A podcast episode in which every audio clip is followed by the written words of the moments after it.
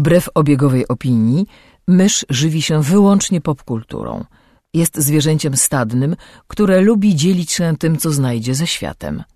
Jej naturalnym sposobem komunikacji jest przerywany śmiechem słowotok. Słuchacie podcastu Myszmasz.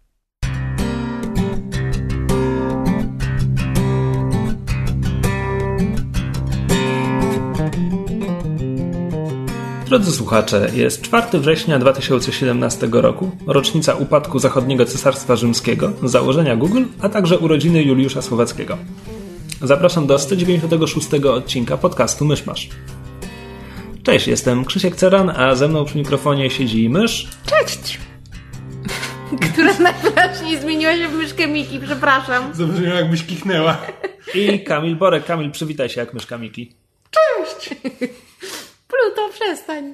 Pluto, przestań! No i pięknie. No i pięknie, tak. E, newsy, rzeczy się dzieją, dzieją się rzeczy. E, taką. Nie, nie powiem, że najgłośniejszą rzeczą, która się wydarzyła w ciągu ostatniego tygodnia z haczykiem, ale, ale szczególną i, i specyficzną i, i raczej rzadką jest to, że Ed Skrein zrezygnował z zagrania w nowym Hellboyu bo internet mu wytknął, że został obsadzony w roli postaci japońskiego pochodzenia. Podobały mi się komentarze w internecie, gdzie e, jest głos z jednej strony. E, uważam, żeby się sprawdził w tej roli. Uważam, że on ma szeroki zasięg aktorski. Odpowiedź na tyle szeroki, żeby zagrać postać innej rasy? że to, to jest. To, to jest ciekawa sytuacja i to może sporo zmienić, bo jakby do tej pory to po pierwsze znaczy, bo do tej pory była taka sytuacja, że wszyscy zasadniczo udawali, że mogą to olewać, bo jakby e, aktor mógł to zwalić na jakby wytwórnię, to do tej pory była jakby odpowiedzialność wytwórni, jakby aktor no to jest, jakby został zatrudniony do roli, no to gra, gra to do czego został zatrudniony. E, z kolei wytwórnie mają to gdzieś, bo jakby dopóki to się sprzeda, to, to, to, ich, to, to ich to mało interesuje. A to jest taka precedensowa sytuacja, gdzie jakby no to się pokazuje, że to się staje odpowiedzialnością aktora, więc więcej aktorów będzie musiało o tym myśleć, kiedy przyjmuje rolę. I też wytwórnie będą musiały o tym myśleć, bo jakby wytwórnie też muszą dbać o wizerunek swoich gwiazd. To znaczy tylko z całym szacunkiem dla Eda Skrajna mam wrażenie, że to miałoby mocniejszy wydźwięk, gdyby to zrobił ktoś znany. Tak, no ale właśnie jakby mam tak, wrażenie, że ktoś znany presję. mógłby tego nie zrobić. Tak, ale to, to jakby nakłada presję i prawdopodobnie wiesz, takich sytuacji, znaczy no, nie wiem, czy się powtórzy, czy wiesz, czy jakby e, czy teraz po prostu ludzie będą lepiej i uważniej dobierać e, aktorów, a aktorzy role. po, no po jednym razie nie.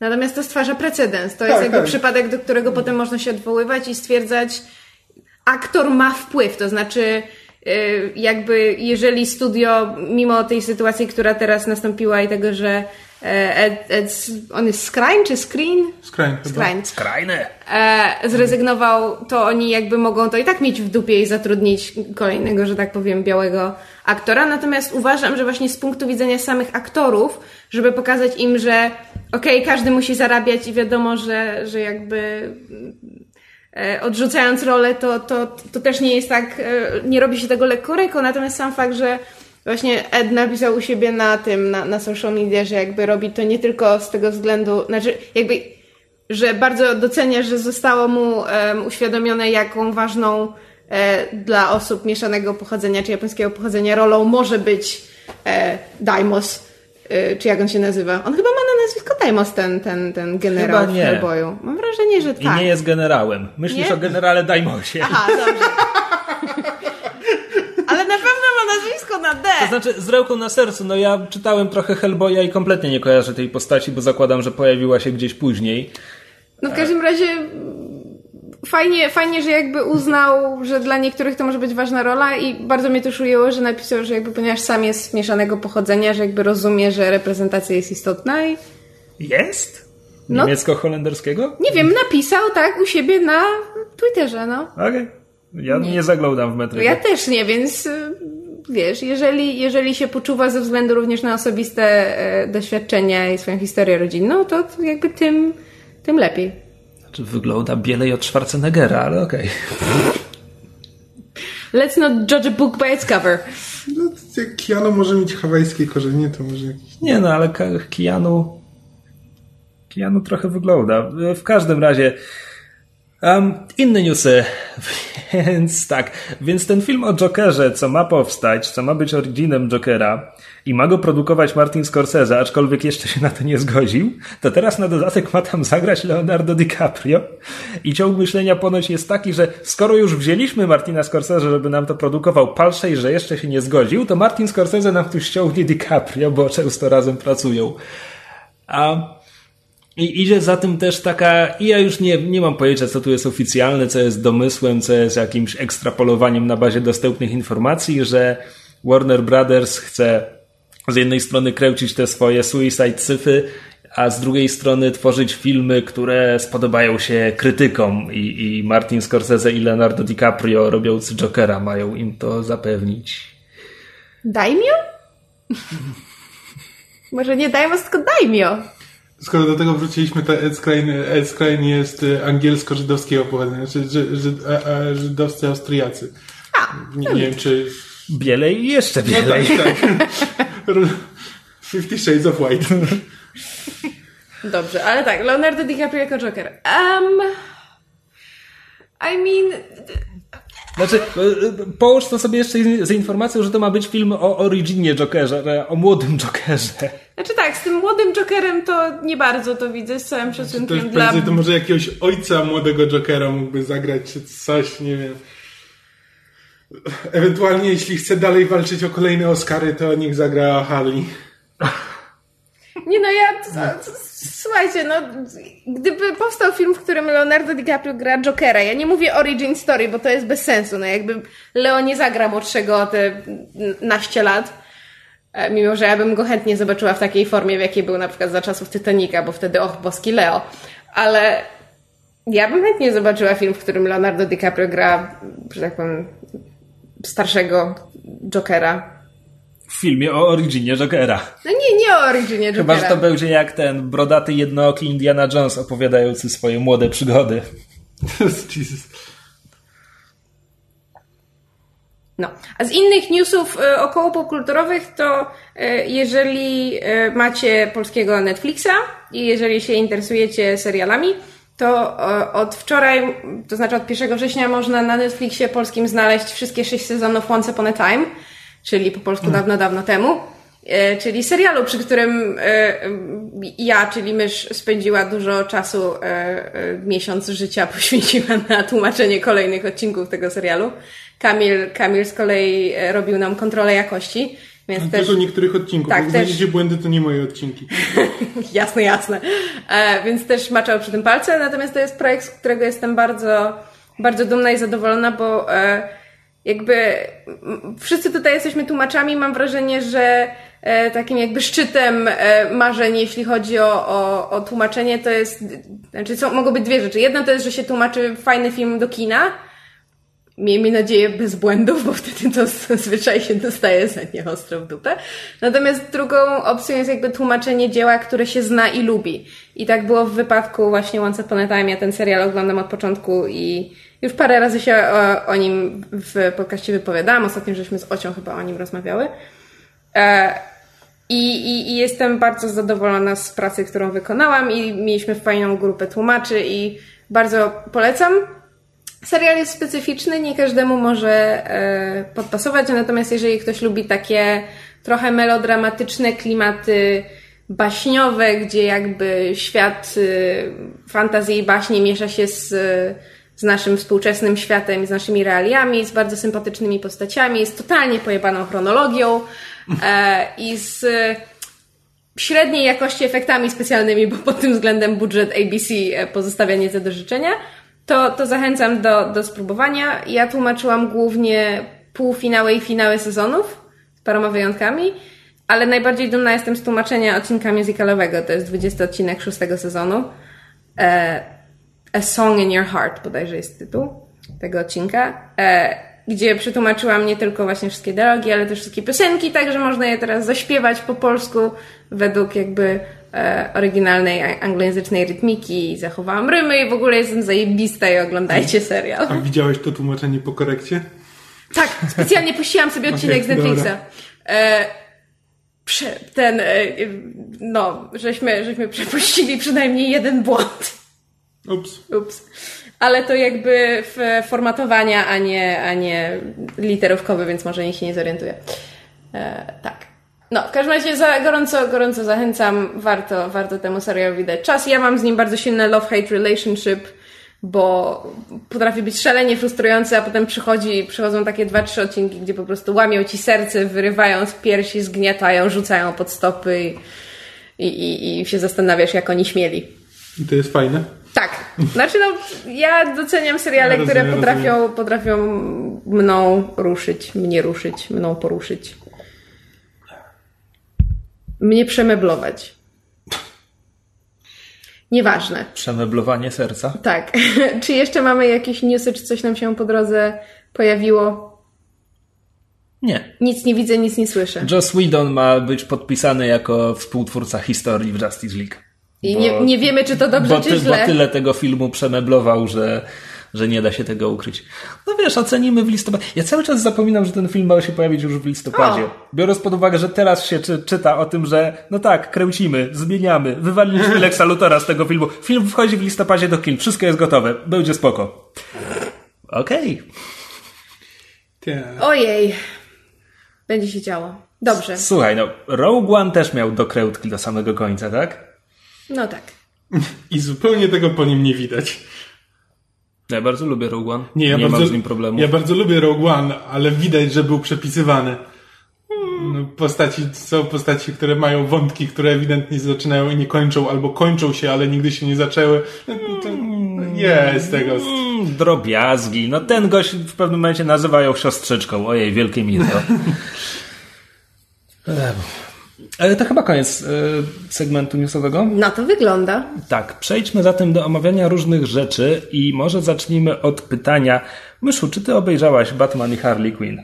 Nie zdążyłam. Nie zdążyłaś. Bo przełożyliśmy termin e, nagrania na dzień widzisz. wcześniej. No dobrze, ja to obejrzałem, ponieważ oglądam prawie wszystkie pełnometrażowe animacje DC.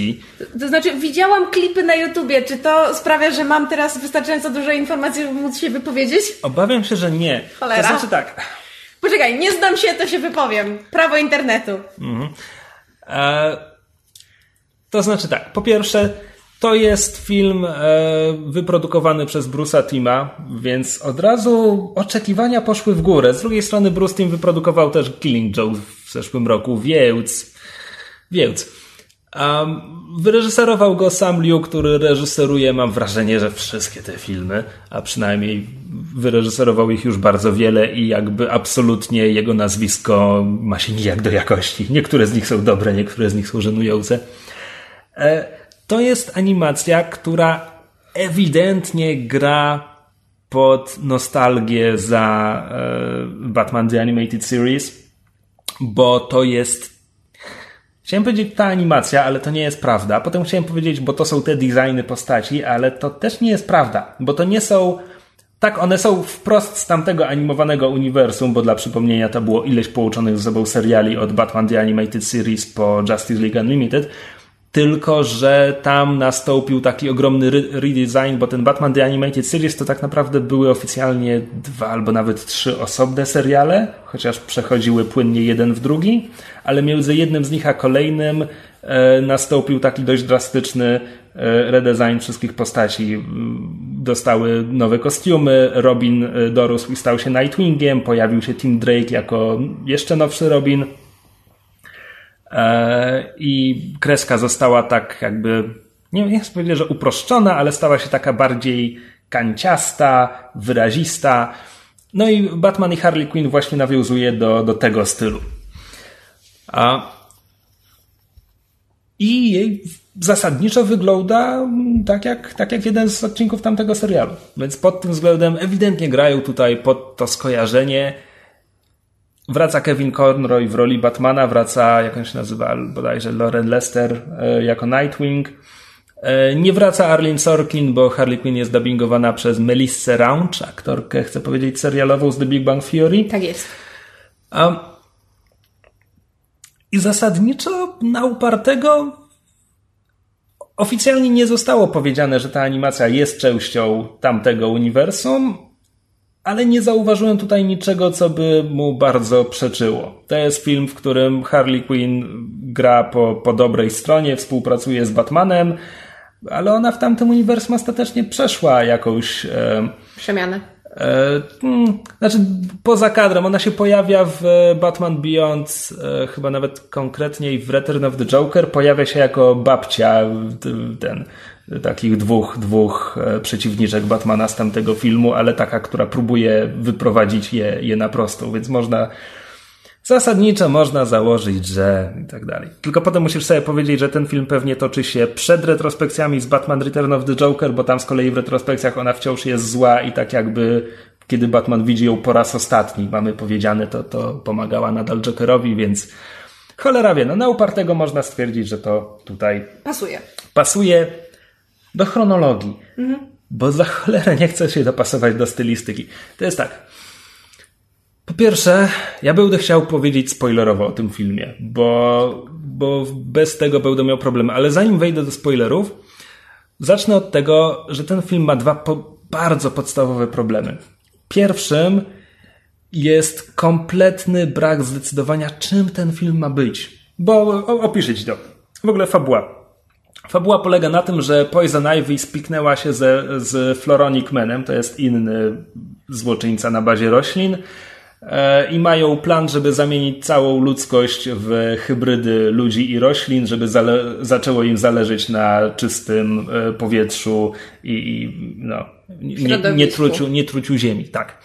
Ale ich plan, e, po, poza tym, że to jest oczywiście wbrew woli 7 miliardów ludzi, więc można mieć z tego powodu pewne moralne opory, a poza tym jest ten drobny problem, że jeśli formuła chemiczna, z której korzystają, jeśli coś w niej nie wypali, to po prostu wymordują nie tylko 7 miliardów ludzi, ale w ogóle całe życie na Ziemi. Więc drobny, drobny feller w tym planie i, i trzeba ich powstrzymać. No i Batman stwierdza, że żeby znaleźć Poison Ivy, trzeba do tego wykorzystać Harley Quinn, która po, po tym jak e, wyszła warunkowo z więzienia, jakby zapadła się pod ziemię, okazuje się, że próbuje, próbuje nie wrócić do tego dawnego życia. Pracuje jako kelnerka. Pracuje jako kelnerka w barze, gdzie wszystkie. To jest, to jest takie hooters tylko z superbohaterkami. Wszystkie kelnerki są e, przebrane w kostiumy. To takie smutne. E, tylko te, te, one nie tylko chodzą w kostiumach superbohaterek, tylko są w jeszcze bardziej e, seksualizowanych kostiumach, wersjach tych kostiumów. Ja na początku, jak to powiedziałeś, to zrozumiałem, że to jest taki hotel, który zatrudnia były superbohaterki. To byłby bardzo przygnębiający pomysł. Właśnie dlatego tak. Tak, więc, yy, więc z jednej strony to jest ten pomysł na rozpoczęcie tej fabuły, mhm. A z drugiej strony to są trzy czwarte tej fabuły, bo w tym momencie, jak już Batman i Nightwing ją, ją skaptują do pomocy, to potem mamy dosłownie bardzo krótkie śledztwo, żeby znaleźć Poison Ivy i Floronicmana, Starcie, moment zwątpienia w Harley Quinn, że Batman mówi nie, nie, ja z tobą nie idę, nie mogę ci zaufać.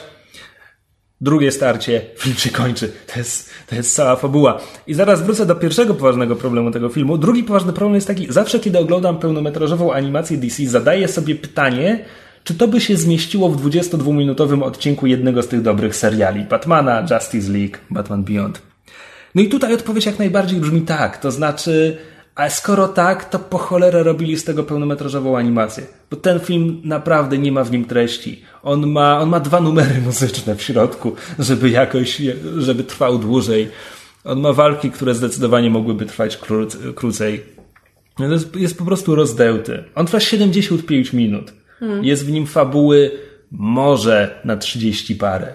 Jakby, okej, okay, dwa 20-minutowe odcinki któregoś z tych seriali spokojnie by to załatwiły.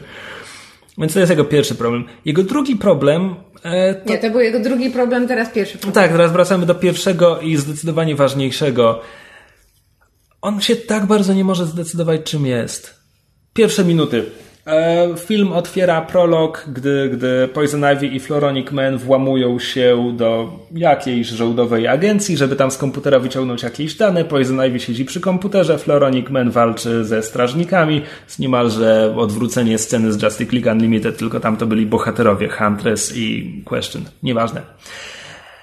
I mamy tam ujęcia, kiedy Floronic Man zamienia sobie ręce w takie, takie kule z kolcami i bije nimi strażników po których jest cięcie i mamy rozbrysk krwi na ścianie. Więc to nam już stylistycznie wyłamuje się z tamtego animowanego uniwersum, bo ono podlegało cenzurze sieci kablowych czy czego tam. I nie można było pokazywać takiej przemocy. Okej. Okay. A potem zaczynają się napisy początkowe, gdzie najpierw jest mroczna muzyka, bo Batman, a potem pojawia się Harley Quinn i przechodzi w taką wesołą, niemalże cyrkową muzykę, niemalże z Benny Hilla. I przy tych napisach początkowych karykaturalne wersje Batmana, Nightwinga, Harley Quinn, Poison Ivy i Floronic Mana gonią się i się biją i ktoś tam obrywa młotem po głowie, bo to jest takie niemalże Looney Tunes, tylko te postaci są jeszcze bardziej karykaturalne. I po prostu to przejście od tego rozbryzgu krwi na ścianie do tej karykatury, to jest jakby problem tego filmu w pigułce bo on potem nie będzie mógł się zdecydować. Są momenty, kiedy to jest po prostu parodia. Ale tych momentów jest za mało. Mhm. E, I jest tu Harley Quinn, która, która ma być zabawna. Czasami jest zabawna, czasami wypada żałośnie, ale jakby ten humor koncentruje się na niej. Jest jeden moment, w całym tym filmie jest jeden moment, kiedy Batman zostaje sparodiowany i to jest genialne, tylko, że to jest jedna chwila, a potem przez, cały, przez pozostałe 74 minuty to jest po prostu Kevin Conroy grający Batmana tak, jak robi to zawsze. Jest moment, kiedy e, toczy się jakaś walka i my jej nie widzimy, bo mamy tylko pokazany z zewnątrz budynek, w którym walka się toczy, ale są odgłosy tego starcia, a na ekranie pojawiają się napisy, tak jak w Batmanie z Adamem Westem, tylko zamiast Beef Bow Bank to jest Bleed i e, Ała moje jaja. I to, I to jest zabawne, tak, tylko to jest tylko ta jedna scena. Mhm. I gdyby ten film poszedł w pełną parodię, to myślę, że coś by mogło z tego być, a tak zostaje po prostu z czymś, co tu jest poważne, tu jest parodią i wychodzi z tego taki kompletny chaos. A nawet kiedy robi tę parodię, to robi to często kiepsko i, i źle. A, I tutaj już wejdę w spoilery. Tak? Tak. Po prostu, kiedy mówię spoilery, opowiem kilka tych dobrych żartów i opowiem kilka tych złych żartów, a zasadniczo, ponieważ ten film nie ma fabuły, to, to jak to już wszystko opowiem, to niewiele w nim zostanie. Więc. A, co tu jest na przykład? No, no Harley Quinn jest. E, Harley Quinn jest seksualizowana w tym filmie.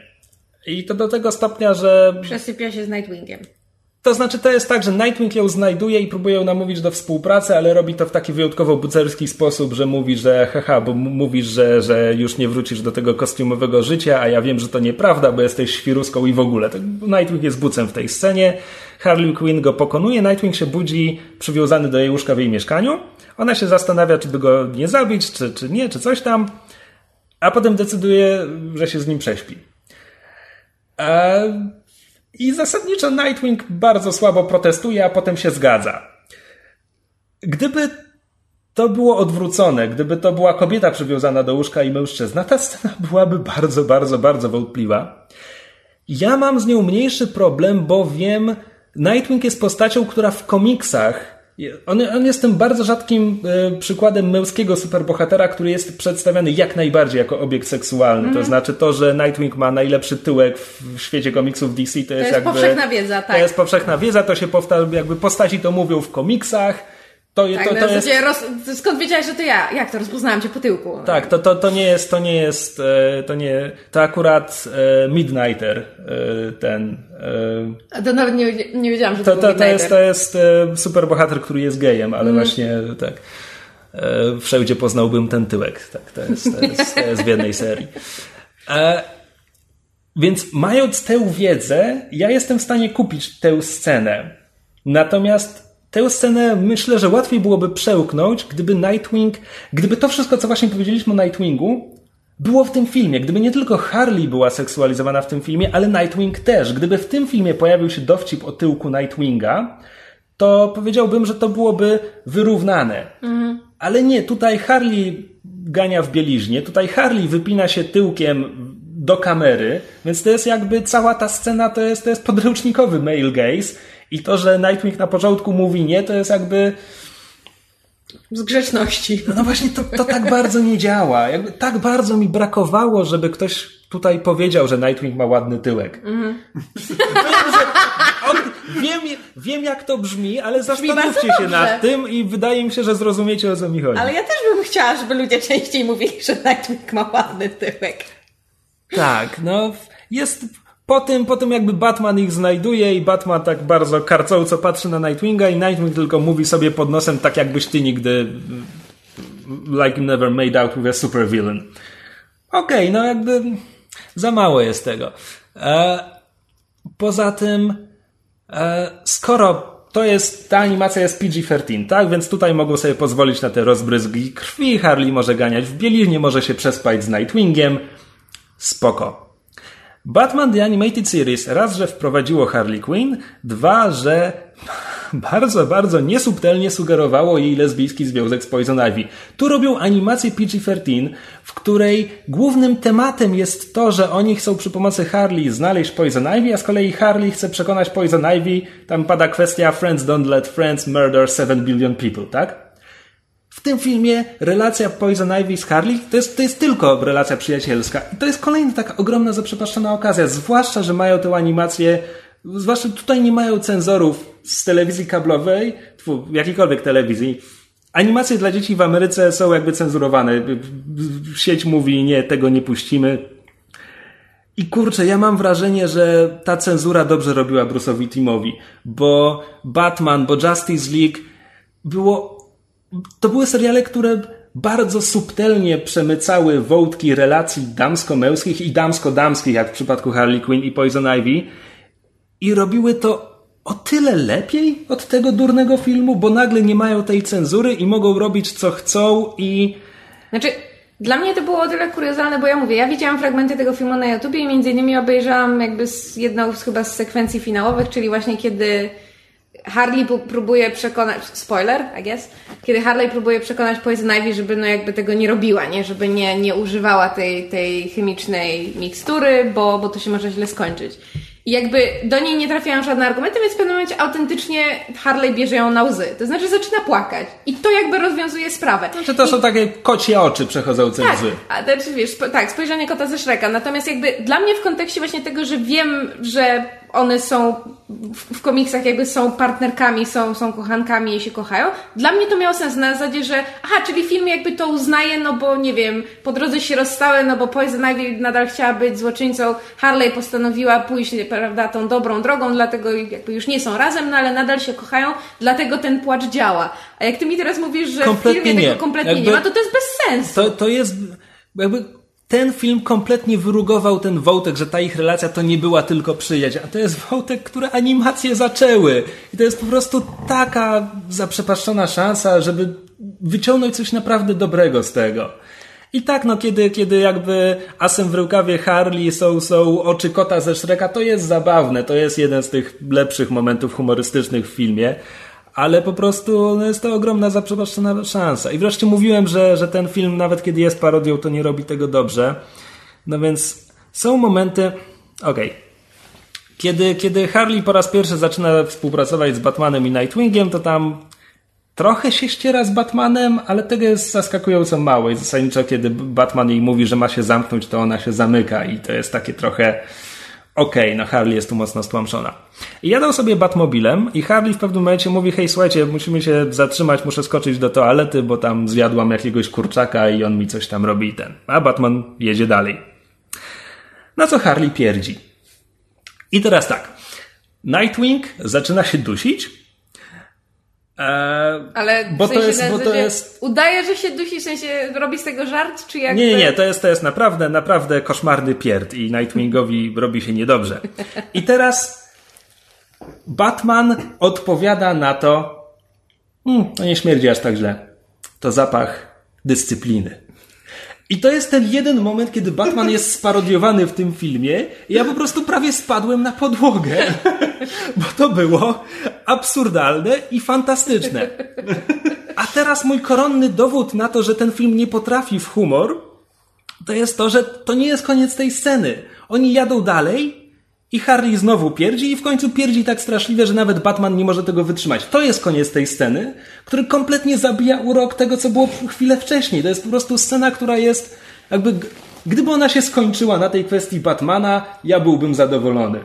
Ale ten film ma kiepski humor. No, Mhm. no, to, to zostaje tam zrąbane chwilę później. Są momenty, które wychodzą. W finale e, jest moment, który jest taki, wiesz, muzyka podniosła i po prostu piękno przyrody. Jest moment jak z filmów Miyazakiego, jak ze studia Ghibli. Jest dość oczywista inspiracja. E, I wydaje się, że przychodzi Deus Ex Machina, która rozwiąże sprawę. Po czym Deus Ex Machina znika i sprawa nie zostaje, nie zostaje rozwiązana i to jest taki kompletny ten an- anticlimax. I to też jest zabawne. To, to faktycznie wychodzi dobrze. I to, to są te dwa dobre dowcipy w tym filmie, który trwa 75 minut No tak. i czasami jest parodią, a czasami nie jest parodią i nie może się zdecydować, czym chce być i kurczę, nawet przy tej pretekstowej fabułce mogli z tego wycisnąć dużo więcej. Także nie, nie jest to kompletna żenada. Ale powinno być więcej dupy Nightwinga, a mniej pierdów Harley. Tak. Głębokie. Tak. Tak. To skoro mówimy o głębi, to czy chcemy przejść do e, omówienia e, zakończonego jakże niedawno serialu znanego wszystkim na całym świecie, czyli Gra o Tron. W sensie zakończenia serii, bo nie serialu. Tak, nie no, serial, na kolejny sezon serialu czekamy dwa lata, w związku z tym to prawie tak jakby się serial nie skończył. jest, To chyba nie jest jeszcze oficjalna informacja, że to będzie dwuletnia przerwa. Znaczy, no mówią, że wracają w 2019. z ósmym Tak? To już było oficjalnie powiedziane? Mam wrażenie, że tak. Aha, to ja to przegapiłem. No dobrze, e, więc tak, Gra o Tron miała swój siódmy sezon, który miał tylko siedem odcinków, żeby starczyło na smoki i wykorzystali te kasy na smoki. No. Nie, nie starczyło na wilkory w związku z tym. E, tak, jeden, jeden z moich ulubionych memów po zakończeniu tego sezonu to są pl- plakaty Zaginął pies, czy widzieliście ducha? Ducha, tak. Zaginął w sezonie piątym. A, znaczy wysyp memów w ogóle po tym, po tym finale siódmego sezonu był całkiem zacny. No tak, e, oczywiście omawiamy spoilerowo, więc jeżeli ktoś nie widział, to e, polecamy wrócić ten, wrócić jak obejrzycie albo przeskoczyć dalej w odcinku. E, no więc tak, no mur był padł, i, I John i Danny się przespali u... Czekaj, mówić tak, jakby to było wszystko, co się wydarzyło w tym sezonie. Essentially. Nie no, wydarzyło się jakby zmian geopolitycznych w tym sezonie, mam wrażenie, było więcej niż w trzech poprzednich naraz. Tak, bo e, w Westeros ktoś e, nienazwany Anonim Gal był wynalazł teleportację, tylko że serial nam o tym zapomniał wspomnieć. Mm, Wiesz co? Inaczej, no. Tak, kiedyś serial pokazywał upływ czasu, tak? Kiedyś Sandor z Arią wełdrował przez ćwierć Westeros przez cały sezon, a tutaj całe armie pokonują e, pół Westeros e, pomiędzy, pomiędzy Nie, ale- dwoma scenami. Wiesz, ale dochodzi do takich kuriozalnych sytuacji, w której masz tę wyprawę parszywej dwunastki za mur po, po, po jednego z trupków, tak? Po, po, po White'a, czy tam, jakby tego nie nazwać, jednego z zombie. E, I to wygląda tak, jakby ta podróż, trwała pół dnia, bo potem Gendry, który biegnie, żeby wezwać pomoc, pokonują w przeciągu trzech minut. A w tym samym czasie masz sama, który przez trzy czy cztery odcinki jedzie z Old Town do, do Winterfell. No dobra, ale sam dosłownie musiał pokonać cały kontynent.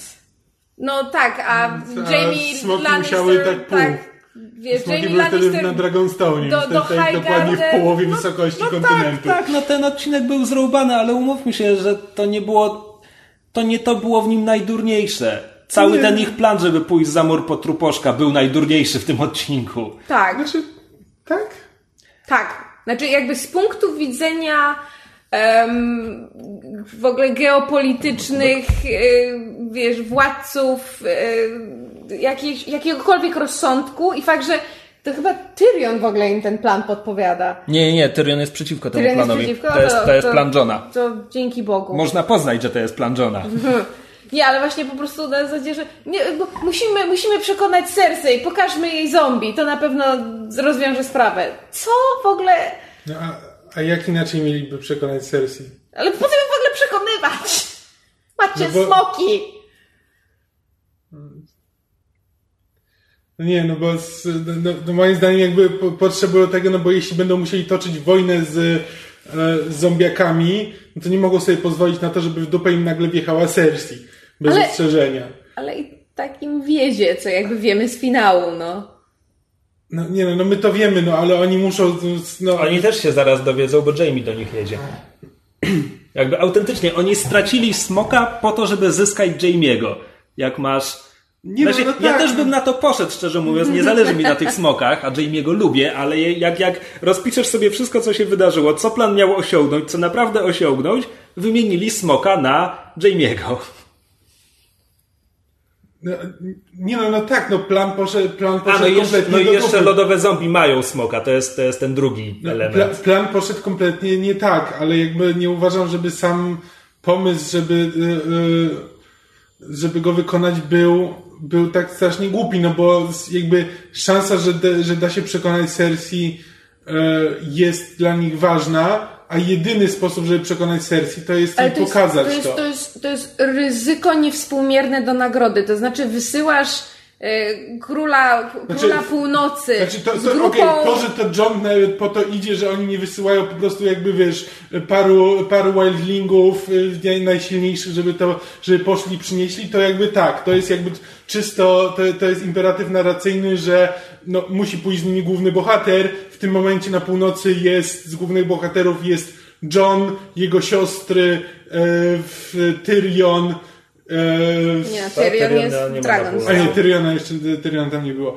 Eee, no więc w każdym razie, no to z głównych bohaterów tak naprawdę z takich, którzy mogą przeżyć wyprawę za, z- za mur, no to zostaje nam John. No to wysyłamy Johna. Mimo, że to kompletnie nie ma sensu. To, to akurat tu się zgadza. Akurat ja byłem zaskoczony tym, ilu tych frajerów przeżyło to.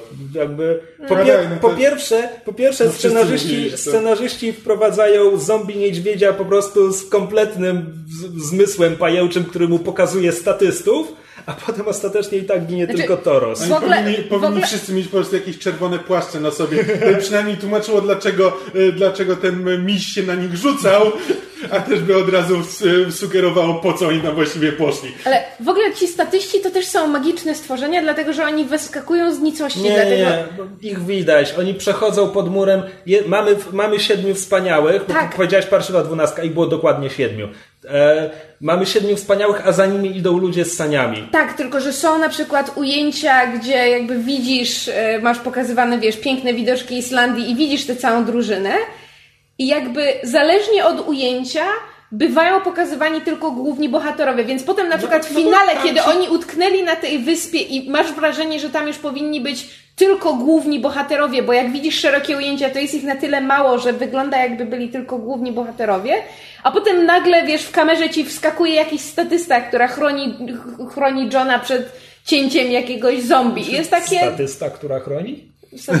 który chroni, no. Może Znaczy, to była tak, kobieta. to nie Gender. była kobieta. Gender, cicho. Tak e, liczyłem, że oni zabiją jakąś ważniejszą postać. Oni tak znaleźli, znaleźli do zabicia tę postać, która jest ważna w książkach, więc jakby część widzów będzie... Toros nie jest ważny w książkach. Torosa pamiętałem z książek, ale niewiele postaci pamiętam z książek, które nie są jakby na stałe w serialu. Znaczy, E, autentycznie jeszcze w momencie, kiedy zabili Torosa, to tak sobie pomyślałem, że okej, to Berika już nie ma kto wskrzeszać, a on już ginął 7 razy, więc wcale nie jest jakimś bardzo dobrym wojownikiem. On też tu musi zginąć, nie? Nie. Nie. Nie, wiem, to, to, to, to znaczy...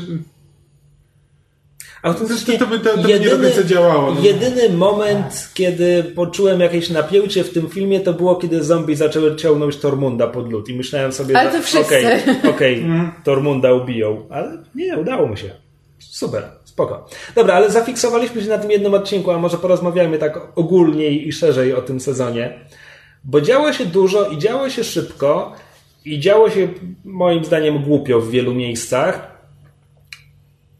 Ale jakby mamy wszystko oczyszczone pod finał, tak? Czy Teraz tak naprawdę... już tylko Cersei, e, siły dobra i, i zombie i nic innego nie I zostało. ewentualnie złota kompania z Bravos. No ale to są statyści, żeby jakoś wytłumaczyć, czemu Cersei wciąż może walczyć po tym, jak Daenerys spaliła jej armię.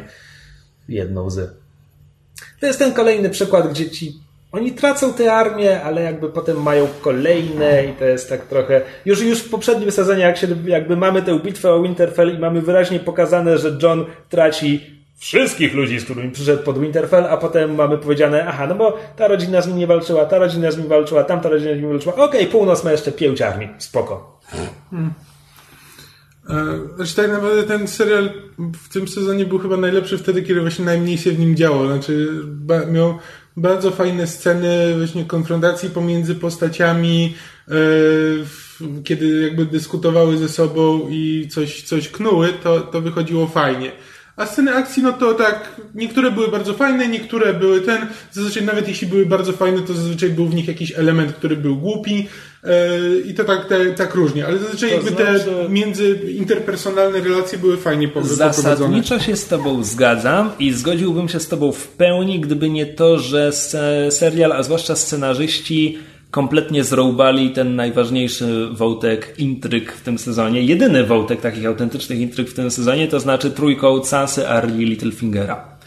Bo to, że w finale się okazuje, haha, my cię wyrolowaliśmy, wyro, wyrolowałyśmy, nijak mi nie, e, nie, nie rewanżuje tego, jak siostry były koszmarnie prowadzone przez poprzednich ileś odcinków i ten ich konflikt między nimi był kompletnie sztuczny, a potem jeszcze sobie czytasz, że ten e, aktor grający Brana. Isaac Refli tak parę odcinków temu przypomniałem sobie poprawnie jak się nazywa, teraz już nie mogę um, on, on powiedział, że nagrali scenę, w której Sansa przychodzi do Brana z hasłem hej pomóż mi, która sugerowała, że Sansa skorzystała dawał, dawała się rolować Littlefingerowi aż do momentu tuż przed tym, kiedy skazuje go na śmierć. Znaczy tak, skorzystała z Bran TV. Po prostu wiesz, Bran zobaczył jako trójka Wrona, co tam się działo w przyszłości, powiedział Sansie i, i tylko i wyłącznie dlatego Sansa uwierzyła, że jakby, ale że tak, Littlefinger jest zły. Ale pomimo tego, że i Sansa i Arya mnie koszmarnie irytowały w tym sezonie, znaczy nawet nie w tym sezonie, bo to konkretnie chodzi o te dwa czy trzy odcinki, kiedy serial buduje ten idiotyczny konflikt między nimi, to i tak najgorzej z tego trójkąta wypada Littlefinger, bo to jest ten gość, który zawsze miał plan, to jest ten gość, dla którego chaos był drabiną i chociaż my nigdy do końca nie wiedzieliśmy, jaki jest jego plan, to widzieliśmy, jak buduje sobie kolejne siły, jak przejmuje władzę nad Vale, czyli jednym z siedmiu królestw. I jakby było takie, okej, okay, no on jest, on jest tutaj po prostu mistrzem tych szachów, planuje pięć posunie już naprzód, jakby on i Varys mają jakąś grę ze sobą, rany boskie, co on robi, do czego doprowadzi. I potem mamy ten sezon, gdzie on się szwełda po Winterfell, próbuje się dobrać do gaci Sansie i potem ginie. I to jest jakby, człowieku, gdzie jest twój masterplan? Co ty robisz? O co w tym wszystkim chodziło? Ten, w ogóle ten sezon jest taki najmniej gro, grotronowaty, no bo jakby do tej pory, do tej pory jakby ideą gry o tron praktycznie rzecz biorąc było to, że ludzie giną i jakby nie ma znaczenia to, czy są ważni dla historii, czy nie, jakby ludzie giną. Znaczy, to się, powiedział, to, że to jest PR to, gry o Tron, który od czterech sezonów znaczy, tak, nie ma... to jakby to, to, to z biegiem czasu coraz mniej coraz jakby schodziło na dalszy plan, tylko że zazwyczaj było tak, że znaczy, to, to, to, to się jakby zaczęło właśnie rzeczywiście no, tam za dwa, po, trzy sezony w, te, po, temu. Po wyeliminowaniu ale... Brana i Caitlyn, jakie są jeszcze szokujące zgony w Grze o Tron? Może Pedro Pascal w czwartym sezonie. Hmm. Nie, tylko że zazwyczaj było tak, że dzieją nie się brana, złe... tylko roba. Znaczy, niekoniecznie chodzi mi o to, że, że, jakby to, że to, że ludzie umierają, to jest jedno, ale też, że dzieją się im złe rzeczy i zazwyczaj to było tak, że dzieje się zła rzecz, potem tak w ramach wyrównania trochę satysfakcji E, przydarza im się jedna drobna rzecz, jakby jako ta iskierka nadziei, że jeszcze dalej można coś robić, ale zazwyczaj nie wyrównująca tego, co się im stało, tego, co się im stało wcześniej. Natomiast ten sezon był kompletnie nastawiony na to, że mamy po prostu satysfakcjonujące rozwiązania po satysfakcjonującym rozwiązaniu. E, I nawet jeśli dzieje się coś, coś złego, to, e, to zaraz potem jest wielkie zwycięstwo, które jakby przeważa zupełnie to, co, to, to, to coś złego, co się wydarzyło do tej pory. E, No techni, technicznie rzecz biorąc, piaskowym żmijom i Elari stały się złe rzeczy, ale z drugiej strony piaskowe żmije i Ale Elaria to to, chyba najgorzej napisane postacie w właśnie całym to tym też było serialu. satysfakcjonujące, bo wszyscy mieli dość tych postaci, więc jakby patrzyli, okej, pozbyliśmy się ich. One przynajmniej już nie będą zaśmiecały wątków tego serialu. E, I tak, wiesz, właśnie o to chodzi, że nawet jak postaci ginęły, to ginęły te postaci, na którym ludziom nie zależało i którym można było zabić z punktu widzenia jakby narracji i e, jakby popularności serialu. Tak, tylko wiesz, spójrz, spójrz na książki, bo to jest tak, że jakby Martin od, począł, Martin od początku pisze klasyczną sagę fantazy, w której jasne, złe rzeczy tra- przytrafiają się dobrym ludziom, ale to jest tak trochę, taki trochę kamuflaż, dlatego że jakby prób- próbujący zakamuflować to, że no tak czytamy sagę fantazy, w której prawi ludzie będą walczyć z trupami gdzieś w finale i jakby Okej, no chyba, że on nagle napisze, nie wiem, w Wichrach Zimy okaże się, że martwi wygrywają i to jest koniec e, książkowej sagi Lodu i Ognia. Dobra, spoko, szapoba, niech mu będzie. Ale to jest opowieść fantazy, gdzie jest magia i potwory i trzeba te potwory pokonać. I jakby prędzej czy później te klisze musiały wyjść, no bo no bo to jest po prostu opowieść, którą Martin pisze. Powiedziałbym, napisał, gdyby nie to, że haha. Tak, ale można to poprowadzić na wiele sposobów. Jakby wiesz, no te, te e, zo, zombie to były zawsze jakby taki mm, mechanizm tylko po to, żeby właśnie zagrażać Westeros, żeby jakby stworzyć, stworzyć to zagrożenie, No i w końcu którego trzeba ludzie coś z tym się... zagrożeniem zrobić. No tak, tylko że właśnie można... No, wchodzimy w fazę, trzeba coś z tym zrobić. Wchodzimy w fazę, gdzie okej, Zebraliśmy pos- drużynę, teraz trzeba sp- pospickowaliśmy sobie, a teraz musimy się uporać z tym, że jesteśmy w sadze fantazy. No i jak na razie w serial, znaczy dobra, nie licząc Cersei, zobacz, no, że to się wszystko okaże jeszcze w następnym sezonie, jak to poprowadzą, tylko że jakby to wychodzi, jakby w tym sezonie jest takie, mam, że okej, zombie na nas idą, nie, nie wierzę ci. E, tu jest dowód, że zombie na nas idą. Musimy teraz wszystko, rzucić wszystkie nasze niesnaski i zabić te zombie. E, Tak, a pięć minut później, czy ty mi uwierzyłeś? Frajerze. no tak, to jest, to jest Cersei, jakby zobaczymy, co, co z tego pójdzie, ale jakby można było ten wątek napisać tak, że okej, zombie idą, ale e, i, i musimy, się, musimy się zjednoczyć, żeby je pokonać, ale ja spróbuję coś jeszcze ugrać dla siebie e, w, w międzyczasie. No i Cersei jest tak napisana, więc czekaj. No, a jakby nikt inny nie ma powodów, żeby próbować coś dla siebie ugrać. No jakby biorąc pod John uwagę. jest naszym Tak. true hero, Daenerys jest zasadniczo pozytywna. A poza tym wiadomo, że oni muszą się zejść, cały serial do tego dąży od początku, więc jakby sztuczne skłócanie ich dłużej nie miałoby sensu. Tyrion jest jakby po stronie Dany, więc też nie ma sensu knuć ani niczego próbować osiągnąć. Znaczy jedyne co on ma na, na uwadze to jest jakby jej dobro i to, żeby to, kogo on uważa za dobrego władcę, zasiadł ostatecznie na tronie.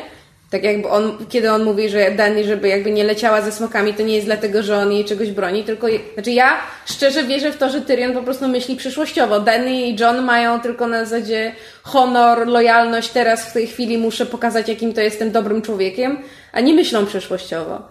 Jakby, znaczy, moment, w którym Dani kwestionowała Tyriona pod tytułem, o, ty na pewno spiskujesz ze swoją siostrą i dlatego się pytasz o, o, o następcę tronu, bo już, już sam ten, myślisz jak sam na nim zasiąść, było takie, czy ty w ogóle znasz swojego doradcę, czy ty wiesz z kim rozmawiasz? To było takie Ja strasznie... mówię, ja mówię trochę o czym innym, bo jakby ja się zgadzam, jakby serial, serial tak zawęży, zawęził e, zawęził jakby scope, nie wiem jak się Perspektywę.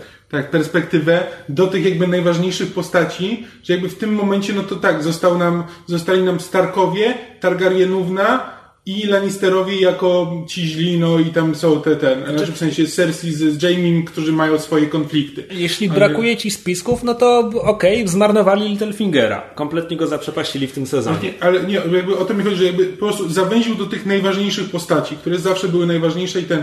E, książki... A resztę powybijał. No. Tak, a jakby chodzi mi tylko o to, że w książkach jakby ja jestem w stanie sobie wyobrazić, że Martin mógł to poprowadzić inaczej, także i prawdopodobnie by to poprowadził tak, żeby na koniec nie zostały tylko trzy najważniejsze rody. Boże, gdyby serial prowadził to tak, jak Martin to prowadził mniej więcej w tym okresie, to pojawiłoby się 30 nowych postaci, które cię kompletnie nie obchodzą. Bo tak Martin zrobił w dwóch ostatnich książkach. Możliwe, tak, ale ja... hm, Znaczy inaczej, ja nie wiem, czy o to ci chodzi, Kamil, natomiast ja Znaczy, przepraszam, wiem, że są ludzie, którzy przejęli się losem Quentina Martela. Um, Okej. Mi po prostu chodzi właśnie o to, że ponieważ to zostało tak zawężone do tych najważniejszych postaci, że jakby wyklaryfikowało się przez lata, które są najważniejsze postaci, które są ulubione, no to jakby teraz się na nich skupiamy i to autent- i z tego, z tego automatycznie wychodzi, jakich losy muszą się potoczyć. Znaczy, ja nie czytałam książek poza pi- pi- pierwsze półtorej, to znaczy w sensie do, do połowy drugiej, Jeszcze natomiast, trzecią warto. natomiast nie, bardziej chodzi mi o to, że, no bo jakby to jest pierwszy sezon, chyba, który już totalnie się roz, oddziela od książek. Nie, nie, nie, to już w poprzednim. Nie, ale w poprzednim oni brali jakby wątki, nie? Nie. Ja byłam święcie przekonana, że w poprzednim jeszcze były elementy, które one, czy, W oni poprzednim czerpali. brali co najwyżej zalążki wątków, znaczy rzeczy, które jakby były zapowiedziane w, ty, w tych Znaczy, książkach. i, i, ale... okej, powiem tak. Ja rozumiałam w ten sposób. Słuchaj, Przepraszam, że ci przerwę, ale po prostu chcę uściślić, o czym mówimy. Przedostatni sezon, nie ostatni, czyli co to będzie piąty. Na koniec piątego sezonu Theon skacze z Sansą z muru Winterfell, tak? No. I nie wiemy, co się z nimi stało. To jest ostatni rozdział Teona w ostatniej książce, jaką Martin napisał. Pal 6, że on nie skacze z Sansą, bo w książkach Sansy nie ma w Winterfell w tym momencie, to jest ktoś zupełnie inny, ale to jest ostatnia scena. Więc no jakby cały szósty sezon to jest już dopisywanie ponad to, co zdążył napisać Martin. A siódmy jest jeszcze dalej. Znaczy właśnie, bo jakby ja to rozumiałam tak, że w szóstym wykorzystywali jeszcze zalążki, czy jakieś elementy tego, co było w książkach, czasami przypisując innym postaciom. Szósty Natomiast to już jest- siódmy, że już jest kompletnie biała kartka i robią To już było chcą. w szóstym. Piąty sezon, pra, pra, niemal wszystkie istotne wątki w piątym sezonie kończyły się tam, gdzie kończyła się piąta książka, lub względnie czwarta, bo one są idiotycznie napisane i nie wszystkie postaci są w piątej książce, bo powody, bo Martin zrobił coś głupiego. Um, więc e, już od dwóch lat e, wykroczyliśmy poza, poza książkę. Nie, po prostu w tym sezonie bardziej niż w szóstym mam wrażenie, chociaż z drugiej strony ja szósty oglądałam totalnie na odwal, dopiero teraz jakby w siódmym znowu miałam takie momenty, kiedy trochę bardziej mi zależało na niektórych postaciach i oglądałam ten serial z jakby z e, odnowionym zainteresowaniem, mimo wielu głupot, które się tam pojawiły. To miałam takie wrażenie, że jakby, że największą chyba wadą tego sezonu, w takim, ra- w takim razie być może także szóstego, było to, że twórcy z braku literackiej bazy, już jakby abstrahując od tego, że Martin prędzej czy później będzie musiał zacząć się posługiwać kliszami, no bo, bo pisze książkę fantasy i w pewnym momencie to się skończy tym, że to są, wiesz, dobra drużyna bohaterów idzie na złą armię typu, wiesz, Heroes of Might and Magic albo inne Dungeons and Dragons. Nie, że w tym jest coś złego, ale jakby do tego to ostatecznie pewnie dąży. Natomiast wydaje mi się, że wadą może być to, że właśnie nie mając tej takiej literackiej bazy, od, od której mogliby jakby od, odskakiwać, która byłaby podstawą, to twórcy gry o tron po prostu poszli totalne klisze serialowe, czyli właśnie te wszystkie rzeczy, o których mówimy pod tytułem, że, że trzeba to jakoś uzasadnić, że trzeba to jakoś pokazać, że musi być ten właśnie, wiesz, tani twist z Littlefingerem, że Danny i John muszą się zejść, że musimy pokazać tego Lich Smoka i tego, jak oni, wiesz, w 10 minut odcinka niszczą mur. Jakoś, nie wiem, mam... Oglądało mi się ten sezon fajnie i jakby też bardzo ciekawie się obserwuje wszelkiego rodzaju e, społeczne różne e, reakcje na, na grę Tron, które, które w ostatnich tygodniach się uaktywniły, czy to a propos tego odcinka, który wyciekł i spoilerów, czy to e, właśnie podejścia różnych ludzi do, do zejścia się dwóch najbardziej nielubianych postaci w całym serialu. Nie, one nie są najbardziej nielubiane. Są najbardziej są nielubianymi po prostu postaciami. najbardziej drewniane. Nie, są najbardziej nielubianymi postaciami. Znaczy jakby to... to... Ja lubię Johna. Ja, ale ja lubię obie te postaci, ale ja wiem, że Okej, one są najbardziej nielubiane. O wszystkich, jakby o ogóle widzów. Czu, czuję Strowmana. No właśnie, Czuję siano nosem. no właśnie, Nie, znaczy ja mam wrażenie, że po prostu my jesteśmy w tej bańce pod tytułem, że wszystkie postaci są spoko, tylko niektóre są gorzej napisane albo zagrane, a mimo to je lubimy. Z tego, co widziałam jakby po, pod względem reakcji i komentarzy w internecie, to większość osób nie lubi ani Danny, ani Johna. Większość nie lubi Danny. Nie, ja myślę, że oni się z nich nabijają, bo jakby jest z czego się nabijać. Nie, jakby- właśnie nie. To nie są argumenty pod tytułem o Jezu, to są tacy drewniani aktorzy i drewniane postaci. Nie, to jest aktywnie nie lubię tej postaci. Jakby nie tylko przez to, że jest źle grana, tylko po prostu nie lubię tej postaci. Ja tego nie rozumiem, no ale... Znaczy, nie wiem, e, nieważne. no, Ciężko, ciężko z tym dyskutować, trzeba by było przeprowadzić ankietę widzów Gota. A nie pamiętam od czego wyszedł ten argument, więc nie pamiętam e, jak zakończyć. Ale, znaczy, a, a jakie ogólnie e, wrażenia po tym sezonie? Chyba wolałbym, gdyby pokazali mniej smoków i jednak nakręcili te trzy pozostałe odcinki, żeby tam trochę pokazać, żeby trochę dłużej trwały te podróże, ale jednocześnie, żeby też było więcej interakcji między postaciami, bo to jest to, czego jakby miejscami strasznie brakowało. Jakby Ty Tyrion spotyka się z Jamiem po raz pierwszy od paru lat, po, po tym dramatycznym rozstaniu i ta scena była tak strasznie krótka, tak bardzo nie wybrzmiała. E, I tego typu, moim zdaniem, znowu zaprzepaszczonych okazji, żeby coś zrobić z tymi postaciami było bardzo, bardzo wiele. A z kolei potem, kiedy była ta wyprawa Siedmiu Wspaniałych za mur, Okej, ja widzę powód, czemu tam każdy z każdym może porozmawiać, ale to też było pokazane dosłownie jako taki montaż, że oni, okej, teraz mamy te 15 minut, kiedy każdy zacznie gadać z każdym, ale też z drugiej strony odcinek wcześniej, kiedy oni po raz pierwszy zdają sobie sprawę z tego, że kurczę, będziemy musieli razem ruszyć za ten mur i mamy tam powiedziane, aha, że to jest Jorah Mormont, to jest, to jest syn tamtego Mormonta, a ja jestem dzikim, ja go nie lubię. A potem mamy Gendrego, który mówi, oni mnie sprzedali Melisandrę, ja ich nie lubię. I z tych antagonizmów nic nie wychodzi. To po prostu było takie, okej, oni wszyscy mają powód, żeby się nie lubić nawzajem Znaczy, i nic w związku z tym nie zrobimy. Ja się jak najbardziej zgadzam z tym, że gdyby. Mówię, ten, ten siódmy sezon mi się autentycznie całkiem nieźle oglądał. Ja nawet ten, ten odcinek właśnie strasznie głupi z tym pójściem po zombiaka i Denny przyjeżdżającą na smoku, żeby wszystkich ratować i z, potem z Drakoliczem wychodzącym z jeziora. Ten odcinek, który bardzo wiele osób zdenerwował swoją głupotą. Nawet to mi się dobrze oglądało, natomiast to, to, co rzeczywiście mnie się najbardziej w tym sezonie podobało, to są interakcje między postaciami i to jakby nie tylko chodzi mi o główne postacie, ale nawet ta, ta głupia scena, gdzie Arya rozmawia z e, żołnierzami Lannisterami, wśród których jest Ed Sheeran. To jest, to jest scena, która jakby nic nie wnosi. To jest, to jest, to jest to jest zapchaj dziura, to jest po prostu, to jest fluff tak zwany. Ale to była strasznie fajna scena.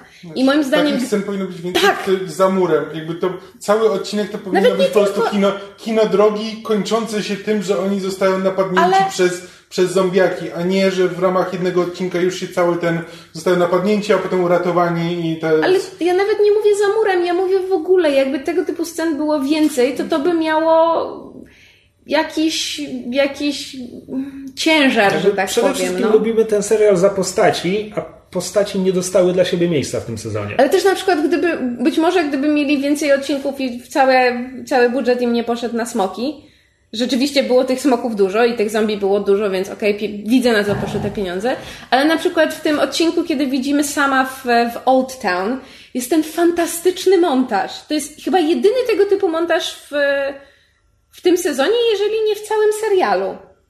To jest taki szybko pocięty montaż, niemalże jak właśnie z Edgara Wrighta, który więcej pokazuje niż mówi, kiedy masz te poprzecinane na zasadzie e, gotowanie, odkurzanie, sprzątanie latryny, gotowanie, tam odkurzanie, sprzątanie latryny i masz taki... On, on trwa ze trzy minuty cały ten montaż i strasznie wiele jakby mówi o, o, o, o samie, o tym, że prawda, on przyszedł do Old Town, bo miał takie wielkie marzenie, że zostanie, prawda, e, mądrym tutaj, prawda, skrybą i tak dalej, a jakby jak wygląda codzienność, jak to się wiąże z jego marzeniami, z jego nadzieją na to, że znajdzie sposób, żeby pomóc Johnowi, to była strasznie fajna scena. I też znowu, jedna jakby na cały, na cały sezon, a to jest naprawdę fajny pomysł i gdyby tego typu jakby zabaw formą było więcej, no bo okej, okay, to jest serial fantasy, wszyscy mniej więcej wiemy, do czego to dąży, prawda, do wielkiej konfrontacji dobra ze złem, ale to nie znaczy, że należy to kręcić leniwiej od linijki, od sztancy, po prostu mogliby... Bardzo doceniłam ten, ten montaż i, i, i żałuję, że jakby na jednym, na jednym razie się skończyło.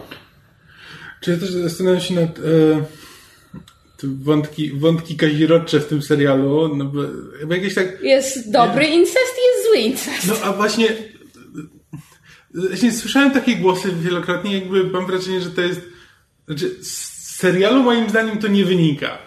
Znaczy, że ludzie mają jakby ten, że lubią e, Daniego i e, Daniego, lubią Dani i Johna, e, więc, e, więc są w stanie to wybaczyć, niektórzy przynajmniej ale moim zdaniem serial tego wcale tak nie pokazuje. Właśnie wręcz przeciwnie, jakby to ujęcie pomiędzy ten e, rozmowa, e, rozmowa Brana z Samem i bezpośrednio przechodzimy do sceny łóżkowej, ma być raczej szokujące, a nie na zasadzie, a nie pokazane jako tylko, że, seksowne i romantyczne. Tylko, że mało kogo to szokuje, natomiast bardzo wiele osób to bawi, właśnie ze względu na jakby nam nie trzeba mówić, że kazirodztwo w tym serialu jest złe Mamy Cersei i Jamie'ego i czekaj, jakby... Czekaj, czekaj, ale kazirostwo w tym serialu jest złe. Ten serial przedstawia rzeczywistość quasi zgodną z jakąś tam feudalnym średniowieczem i ja jestem bardzo ciekaw, co oni zrobią w następnym sezonie, kiedy już Dany i John się dowiedzą, bo Dany i John powinni w tym momencie wzruszyć ramionami, bo w arystokratycznych rodzinach małżeństwa kuzynów i blisko spokrewnionych osób były czymś normalnym. Tak, tylko że serial jakby od samego początku robi taką chryję wokół e, Cersei i Jamie'ego, że jakby on teraz nie może sobie tego usprawiedliwić, jesteśmy systemem feudalnym, gdzie tego typu rzeczy są na porządku dziennym, bo już zrobiliśmy z tego problem. Ale, jest jeszcze stopień aż, pokrewieństwa. Ale, bo... aż tak, ale aż tak bliskie, no to jest jakby ciotka z... E, tak, Daenerys jest ciocią Johna. No, z, z, pokolenia wcześniej, no czyli jakby dosyć... No bo ciocie zazwyczaj są z pokolenia wcześniej. No tak, ale no, nie no, że w sensie mogą być jeszcze dwa, poko dwa, pokolenia na przykład i tak dalej, że chodzi mi, że jakby z ten... E, że, że to, to, jest bardzo bliskie, bardzo bliski stopień pokrewieństwa i chyba dwa nawet... pokolenia wcześniej to nie byłaby babciocia? babciocia. No ale jakby biorąc pod uwagę... Na, na, nie, że przerwałeś to babciocią, e, że nawet, nawet jakby w społeczeństwach feudalnych to jakby zdarzało się, ale moim zdaniem to nie było jakby naturalne. Jakby kuzyni, kuzyni jakby spoko. Tam nie wiem, zazwyczaj tam koło dwa ten twice removed. Też nie wiem, jak to się ten. Kuzyni razie. pierwszego stopnia też jak najbardziej się. No dobra, no, ale tak, ale Jakoś tak ciocia z, z bratankiem. Ale wydaje mi się, że w momencie, kiedy mamy serial, który od początku buduje relacje z Sergiego i Jamie'ego, już abstrahując na stopień pokrewieństwa, jako coś złego, coś, co jest potępianego, coś, na co patrzymy e, z, z, z, że tak powiem, z awersją, z obrzydzeniem, z potępieniem, nieważne. I mamy kontekst Dani, której cały ród Targaryenów był w jakimś w mniejszym lub większym stopniu kazirodczy i to też jest w serialu wymieniane jako wada, to znaczy no, tak, Targaryenowie wsobny dostaliśmy szalonego króla i wszyscy wiemy jak to się skończyło. Nie, nie, czekaj, o Targaryenach bardzo konkretnie mówią, e, chyba nawet jest cytat z książki w którymś momencie, że jak się rodzi Targaryen, to bogowie rzucają monetą i albo jest to przegeniusz, albo szaleniec. Więc jest, że Czasem tak się trafi, czasem tak. No tak, no ale jakby wśród Targaryenów był chów wsobny, nie? No tak. No, no właśnie, więc jakby w momencie, kiedy serial buduje nam E, na dwóch różnych płaszczyznach buduje nam, że kazirodztwo to jest raczej kiepski pomysł. I potem masz to w kontekście dwóch głównych bohaterów, z czego jedna jest z Targaryenów, znaczy w sensie jakby Oboje oficjalnie, oficjalnie przez tam ileś sezonów jedna, jedna postać jest z Targaryenów i jakby w jej kontekście bardzo często padają porównania do, zwłaszcza w ostatnich sezonach jest to podprowadzone, że wiesz, czy ona jest naszym czynią szalonego króla, czy ona jest naszym zbawieniem, czy naszą klęską i, i whatever, to jakby nie ma, nie ma argumentu pod tytułem, no to jest system feudalny, kazirodztwo się zdarzało, w związku z tym to jest okej. Okay. Przy czym jakby serial ma tutaj podbudówkę pod to, że to jest iki, to jest takie e, fuj, e, ale z drugiej strony Denny nie może mieć dzieci. Więc jakby serial może łatwo to wytłumaczyć na zasadzie, no to jest twój, ale nic złego z tego nie będzie. No to, to E, jest wygodny Ak- argument. akurat, akurat przedostatni odcinek z serialu, czy ostatni odcinek serialu jakoś bardzo, bardzo buduje właśnie pod to, że Danny będzie miała dzieci. Znaczy, że po prostu ktoś jej wmówił bzdurę, a ona w nią uwierzyła. No tak, no, ale w każdym razie no, ona jest przekonana, bardziej chodzi o to, w co, w co ona wierzy i w co inni wierzą wokół niej. Eee, Znaczy, Jakby... jakby... że ona powtarzała, chyba ze dwa razy powtórzyła w tym sezonie, że smoki to jej dzieci i żadnych innych dzieci więcej nie będzie mogła mieć. Dla mnie z punktu widzenia tej, tej ka- kazirodczego e, stosunku naj, najciekawsze tak naprawdę będzie e, jakby jak to wpłynie na relacje tych postaci, bo jakby szerszy kontekst to, jak zareagują inni, którzy ewentualnie mogą wiedzieć, że oni się przespali, czyli w tym wypadku mm, Tyrion, to, to jakby to jest, to, można stosunkowo łatwo przewidzieć i podejrzewam, że jak to wpłynie na relację Daniego i Johna też można łatwo przewidzieć, natomiast ja bym chciała to zobaczyć na ekranie, mimo tego, że zarówno e, że tak powiem Emilia Clarke, jak i Kit Harington nie mają jakiegoś szerokiego e, wachlarza umiejętności aktorskich, co nie zmienia faktu, że chciałabym zobaczyć, jak to zagrają. Znaczy, wiesz co, jest jeszcze taki, myślę, że mało prawdopodobny, ale mało prawdopodobne ryzyko, że scenarzyści to oleją. Bo zobaczcie, w tym sezonie mamy wyraźnie powiedziane, że Cersei przestało zależeć na jakichkolwiek pozorach i ona jest już z Jamiem oficjalnie, jakby po, w służce się pokazuje z nim w łożu i w ogóle i nic z tego nie wyniknęło. I, I może to ma wrócić w przyszłym sezonie, a po prostu może scenarzystów kompletnie to nie obchodzi. I może się okaże, że tamte, Znaczy, tamto kazirostwo też ich kompletnie nie że to obchodzi jest już. tylko i wyłącznie podprowadzenie pod to, że mm, jak już do jakiegoś buntu przeciwko Cersei, jakby na zasadzie, że ponieważ już wszyscy wiedzą, jakby, bo do tej pory, do, do tej pory, no to jakby e, relacja Cersei i Jaime'ego no to była tajemnica Poliszynela. Wszyscy niby wiedzieli, ale to zawsze było tak, że no nie wiadomo czy ten, tutaj ona już nie robi z tego tajemnicy. Cersei w tym sezonie stała się już tą y, szaloną królową i jakby moim zdaniem to tylko będzie prowadziło do tego, że no nie wiem, czy czy jakby pozostali wzniecą bunt przeciwko niej, czy ten bunt wy, wybuchnie sam, ale jakby do, to tylko prowadzi do tego, żeby Mógłbym- uzasadnić to. Mógłbym w to uwierzyć, gdyby w tym sezonie pojawiły się jakieś sugestie, że jest możliwy bunt, a tymczasem Cersei y, sezon temu wysadziła im papieża i mieszkańcy King's Landing nie mają z tym problemu. Znaczy nie wiemy, bo nie widzimy mieszkańców. No King's właśnie, Landing. bo serial nam jakby, dlatego mówię, że scenarzystów przestały obchodzić takie rzeczy. Tak, nie, jakby, no ja mówię, ale to jakby moim zdaniem to nie, nie świadczy o tym, że no, że wierzyłbym w to, gdyby to pokazali teraz, bo oni nie mają problemu z tym, żeby wprowadzać wątek od tak, bo, bo teraz jest potrzebny. Znaczy, ale to jest o tyle śmieszne, że na przykład kiedy Davos idzie przez King's Landing, żeby znaleźć Gendry'ego, czy tam Gendry'ego, wszystko jedno, to tam bardzo łatwo byłoby wcisnąć scenę pod tytułem, nie wiem, kątem ucha słyszy, że tam jacyś ludzie rozmawiają o tej wstrętnej królowej Cersei. No i jakby strasznie łatwo byłoby to zrobić. No ale im się nie chce, no jakby Nie ma miejsca, nie dążą, tak, tym mają, mają, już, teraz. mają już klapki na oczach, widzą przed sobą metę, wiedzą do czego dążą i jakby cała reszta może się czesać. No ale no, minutę tam, półtora roku, dwa lata i obejrzymy ostatni sezon, no bo, bo tak. Tak, ale, ale w każdym razie ten serial jest na takim etapie, że jakby mi się wciąż go przyjemnie ogląda, Ale nie będzie- cieszę się, że następny sezon już będzie ostatnim. Już jakby dążmy do końca. A ja z kolei też mam takie, że nie będzie mi go brakowało, znaczy w sensie ja autentycznie no, nie no, płaczę, że w, że w przyszłym roku nie dostaniemy gry o tron. Nie, Będzie ja mnóstwo właśnie- innych Ja chcę, seriali. żeby już się jakby zamknęła te wątki i skończyło się, że to jest ten spin-offy, spoko, mogę oglądać. Jeśli będą fajne spin-offy, to chętnie obejrzę. Ale już te postaci dla mnie z, m, powoli kończą. Już jakby fajnie mi się je oglądało do tej pory, wciąż mi się je fajnie ogląda, ale nie przesadzajmy. Już skończmy to, zamknijmy ten etap i przejdźmy do innych historii, bo Westeros ma miejsce na też inne fajne historie i miejmy nadzieję, że coś, coś z tym wymyślą. To yy, chyba tyle w tym odcinku. Nie, teraz pomówimy sobie o Inhumans. Racja. Tutaj następuje cięcie montażowe. Tak, a jak wrócimy, to będziemy gadać o Inhumans.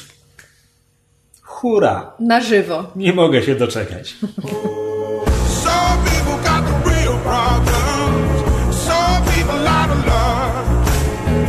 Some people think I can solve them.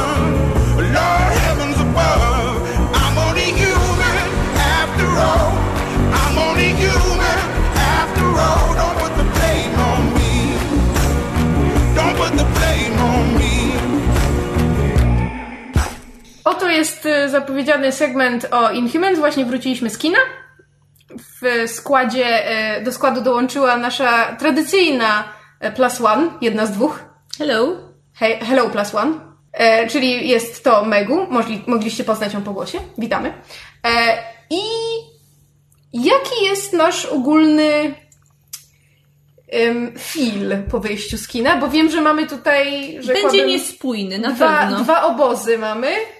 E, I to dość niespotykane, rzekłabym. To znaczy tak, ja nie liczyłem na coś dobrego. Liczyłem, że ewentualnie będzie to tak żenująco złe, że aż zabawne. I było takie tylko momentami, więc głównie się nudziłem. Ja już siadając w kinie wymyślałam, Ojej, to się wytnie. nie. Nie, Tego to się nie zostanie. wytnie. E, w każdym razie, ja już siadając w kinie na swoim miejscu wymyślałam statusy na Facebooka, które napiszę, kiedy wyjdę z tego seansu i chciałam napisać, że najlepszą rzeczą, jaką zobaczyłam, był zwiastun Gwiezdnych Wojen. A potem się okazało, że ten serial nie jest aż taki zły, jak miałam nadzieję, że będzie i teraz nie mogę napisać takiego statusu na Facebooku, więc trochę jestem rozczarowana, bo byłby naprawdę zabawny, chyba.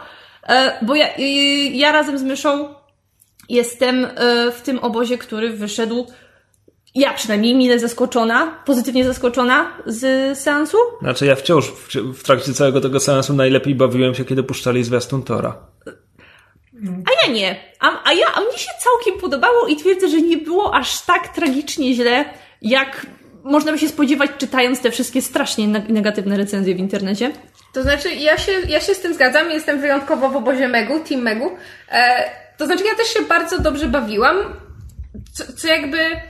Przy czym biorę pod uwagę, że ja oglądam bardzo dużo niekoniecznie najlepszych seriali i bardzo wiele seriali oglądam już jakby poza, poza momentem, kiedy powinnam była skończyć, bo już jakby naprawdę nie miałam nic do zaoferowania, więc... e, Chcesz powiedzieć, że w porównaniu z 13 sezonem Supernatural to którego nie widziałam, są... ani dwunastego. E, nie, ale na przykład y, w, w drodze tutaj na nagranie wspomniałam o serialu Midnight Texas, na którym się znęcałam zarówno chyba w podcaście, jak i na fanpage'u.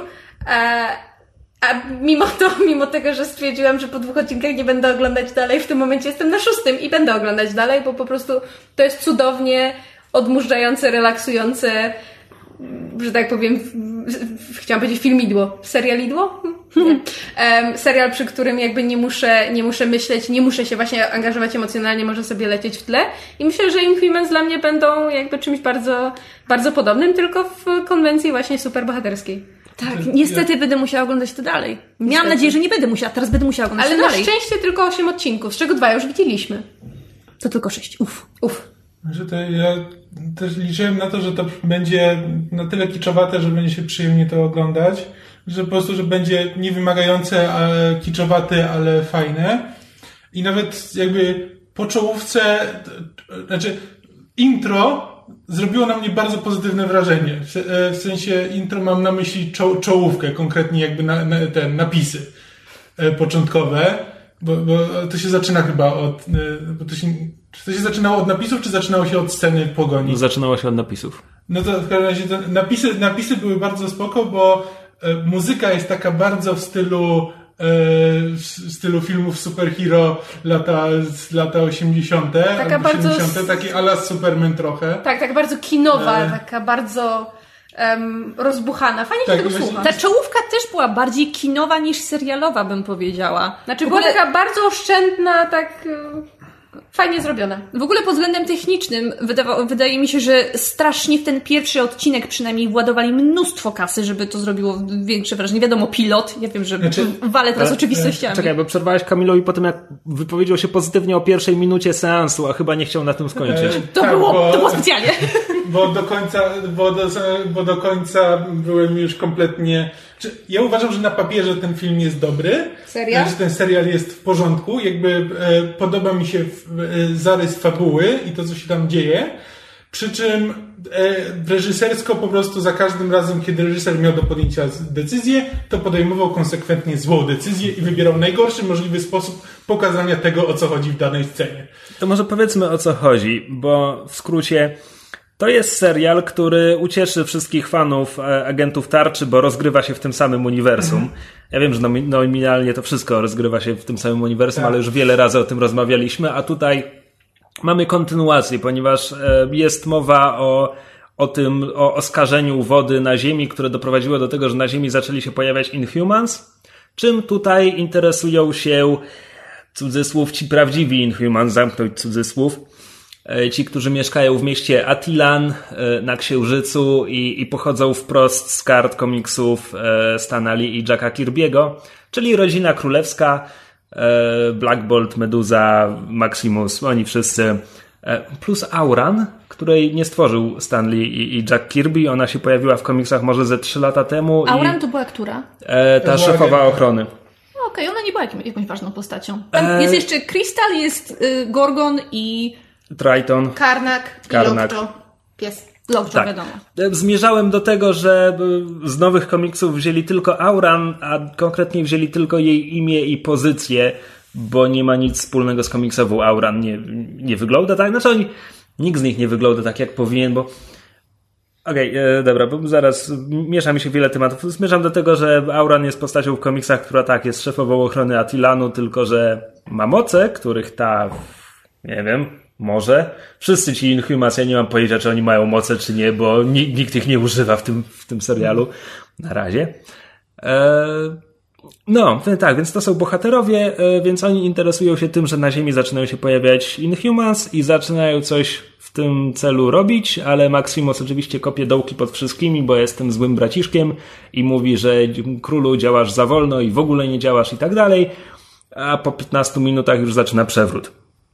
E, więc rodzina królewska jest w rozsypce i musi się salwować ucieczką, e, bo ja nie wiem, na czym opierała się ich władza w tym mieście. Na, na pobożnych życzeniach chyba. Na zasiedzeniu. E, tak, więc wystarczyło, że Maximus kichnął i, i oni wszyscy są już na ziemi. Może to jest jego moc po prostu. Generalnie celem Maximusa jest to, żeby Inhumans przenieśli się na Ziemię i tam przenieśli władzę, bo im się to należy, bo stamtąd pochodzą.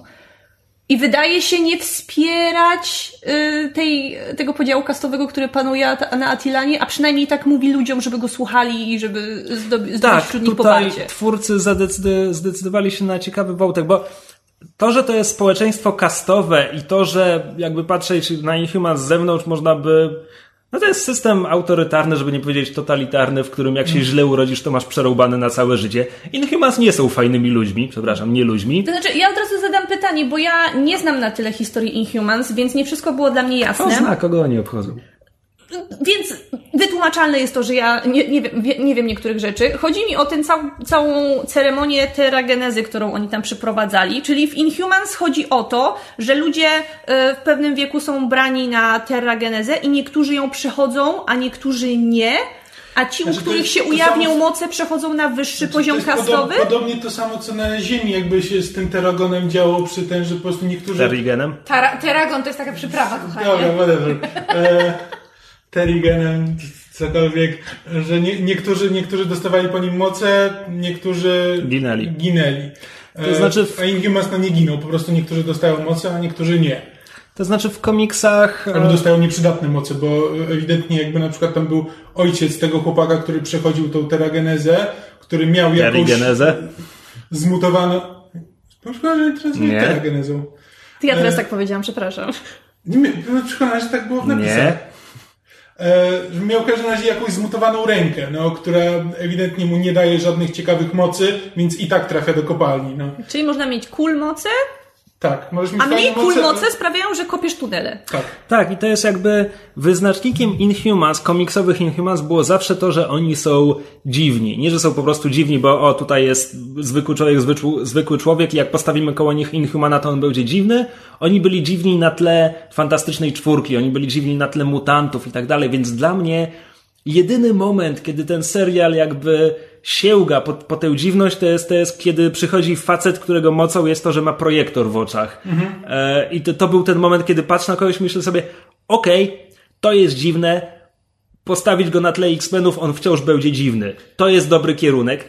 To jest Zatem jedyna tak taka postać. Jedynie e, Triton z tej całej, e, że nie licząc tego duo Doganala, whatever, tego Duodona. kolej, Duodona z projektorem w oczach, to tylko tak naprawdę Karnak się ewidentnie jakby wyróżnia, tfu, nie Karnak, Triton się wyróżnia em, wyglądem. Znaczy, no No jest, jeszcze, jeszcze e, Gorgon ma kopytka, no, Gorgon ma kopytka, ale to jest taki które drobne... gubi w jednej scenie.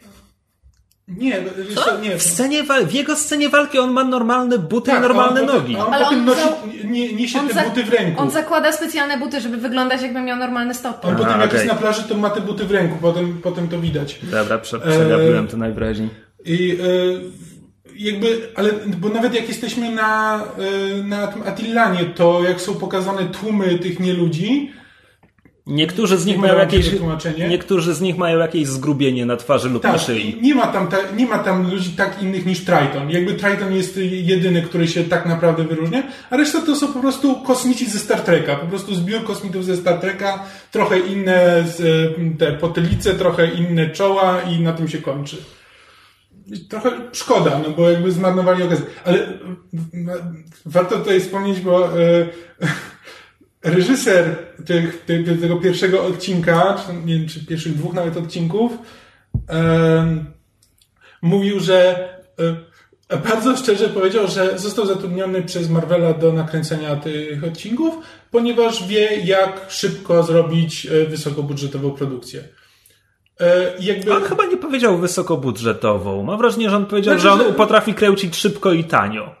No tak, no, tak, że w każdym razie, że no, wiedział, wiedział, co zrobić, żeby ten budżet, ten, żeby ten budżet wydać i ten, e, no wiesz, no, jakby wiadomo, że wysoko, dobra, wysokobudżetową produkcję to ja dodałem, no bo jest sporo reżyserów, którzy ci zrobią szybko. E, ale, ale tak, że jakby to był główny wyznacznik tego, że trzeba było ten serial zrobić jak najszybciej i, i to niestety widać, no.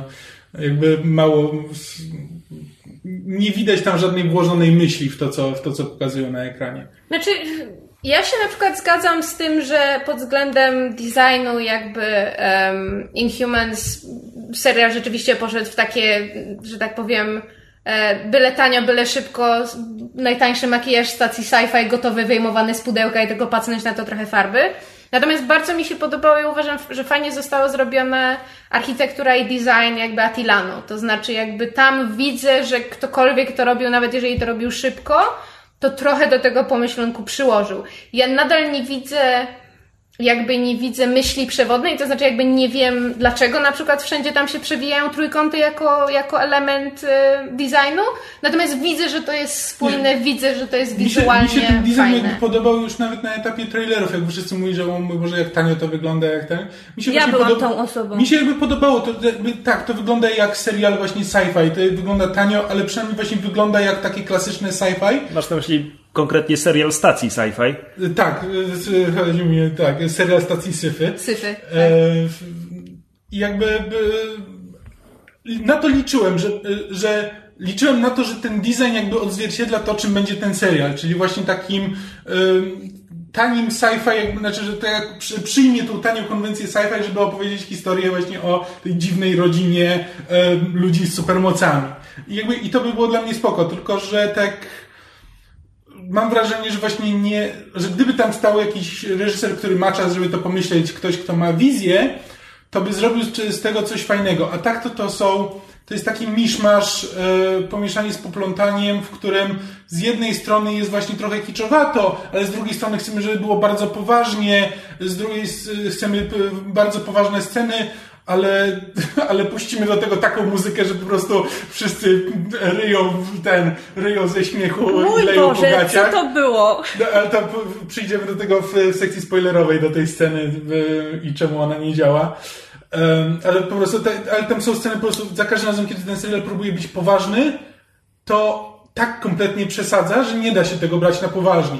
A z kolei nie pozwala sobie być absurdalny i jakby pokazywać tego, że no to jest absurdalne społeczeństwo, że mamy, mamy serial o super ludziach na Księżycu.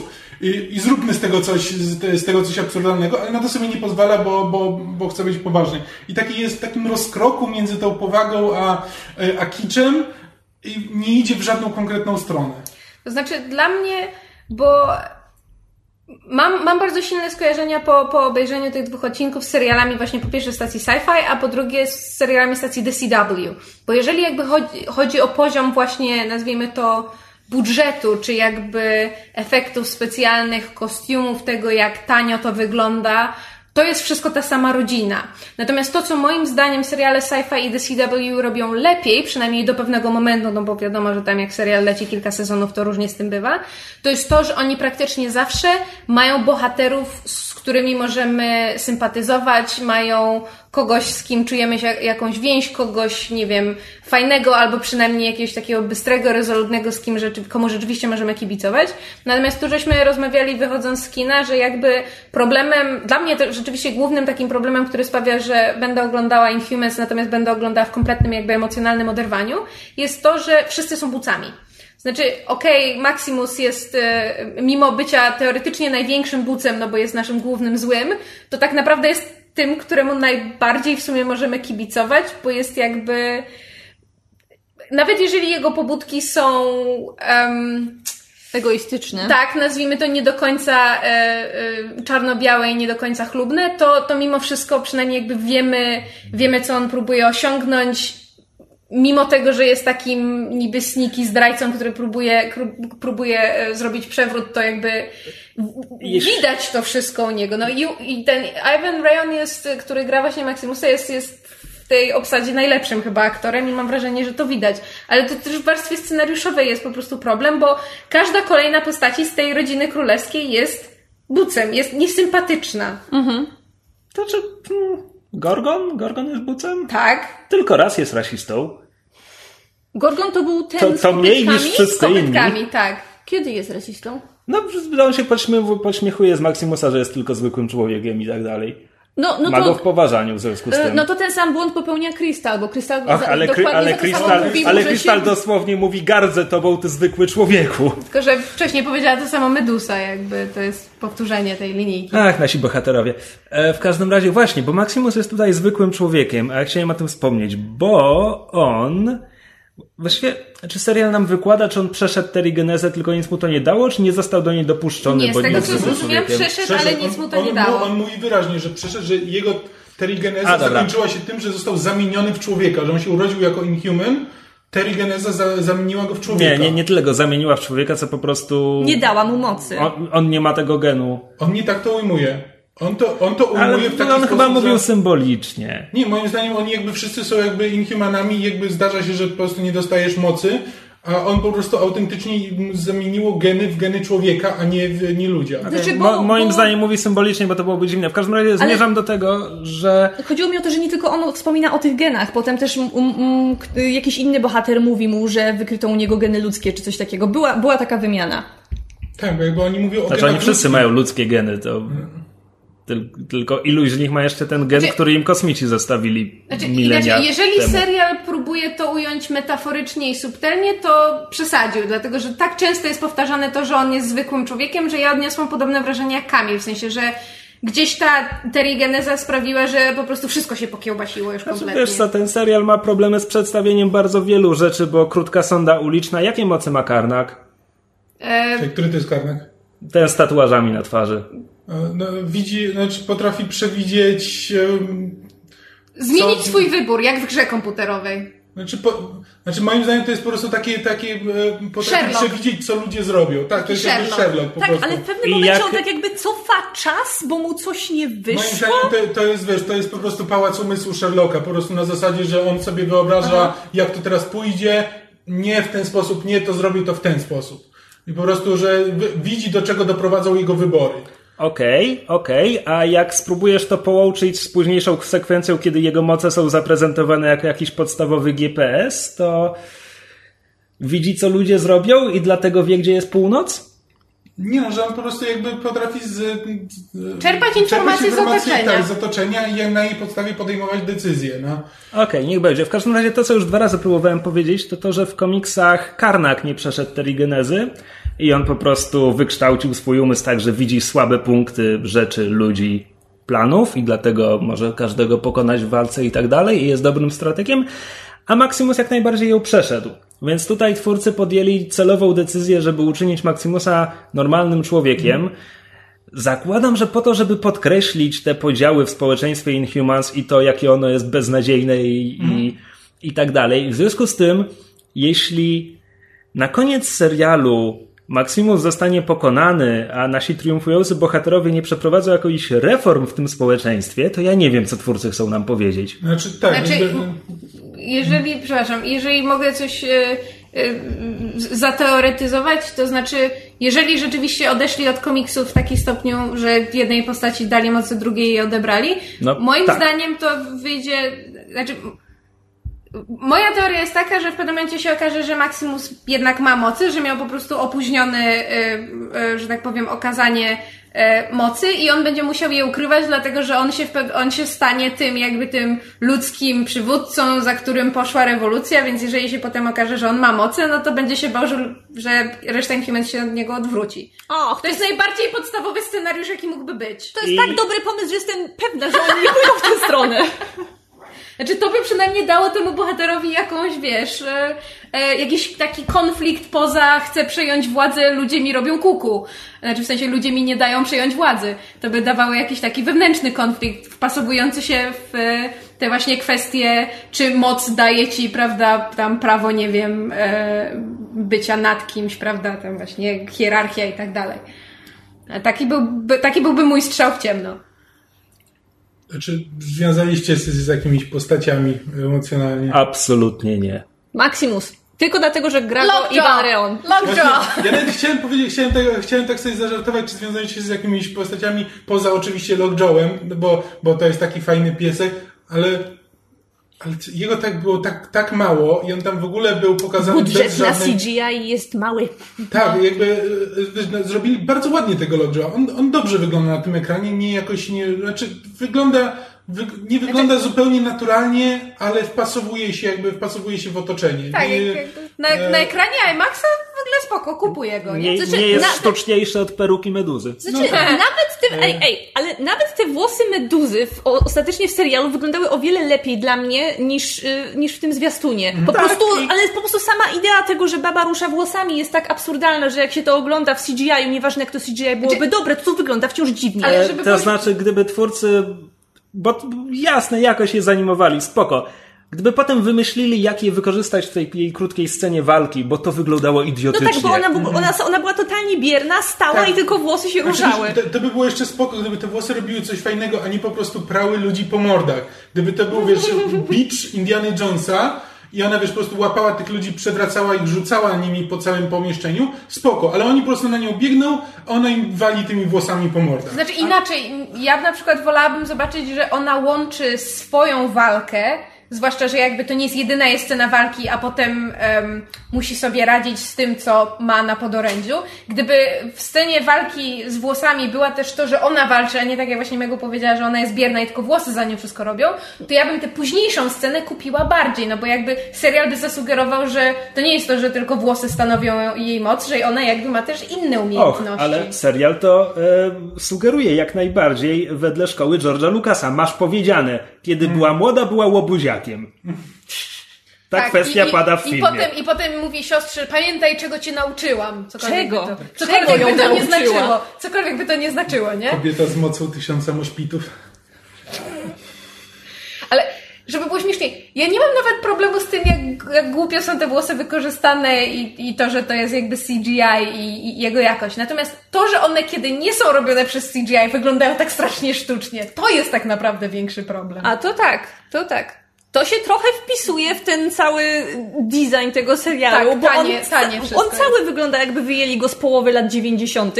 i pewnie właśnie dlatego w pewnym momencie akcja w dużej mierze musi się przenieść na ziemię, bo ja myślę, że ludzie na dłuższą metę nie znieśliby tego całego, y, te, tego co, jak wygląda Atilan. Znaczy wiesz co, jest sporo seriali sci-fi, które się dzieją w bardzo podobnych okolicznościach. e, I właśnie e, dlatego ich nie oglądam, a Inhumans będę oglądać. Ale, ale, ale one dają sobie całkiem nieźle rady, no. E, Może to- mają scenariusz dobry i dobrze napisane postaci. Znaczy mają, ma, nie wiem, czy mają dobrze napisane postacie, natomiast wiem, że mają postacie, z którymi się można bardzo zżyć, bo jakby słyszę zewsząd, że tam właśnie bohaterowie, tam na przykład, nie wiem, Killjoys czy Dark Matter, które akurat skasowali. To znaczy, kiedy, kiedy mówię, że było tylko kilka momentów, kiedy serial był żenująco zły, to naprawdę mogę je wyliczyć ten, bo mamy pierwszą scenę, która nam pokazuje Maximusa jako trybuna ludowego, który przemawia do ludzi i widać, że go słuchają. Ale ta przemowa jest tak durna i ta scena jest tak zła. osta- ostatnia przemowa nie jest już taka, nie jest już taka zła. Ostatnia jest, jest przemowa spoko. jest lepsza. E, natomiast ta pierwsza jest tak kompletnie wiesz, napisana na kolanie po prostu w przerwie, wiesz, e, pomiędzy scenami, że... Tak, i potem mój drugi ulubiony moment to jest dramatyczna kulminacja konfrontacji Maximusa z Meduzą, Tak. która. To, to jest to, co ty mówiłeś, że na papierze.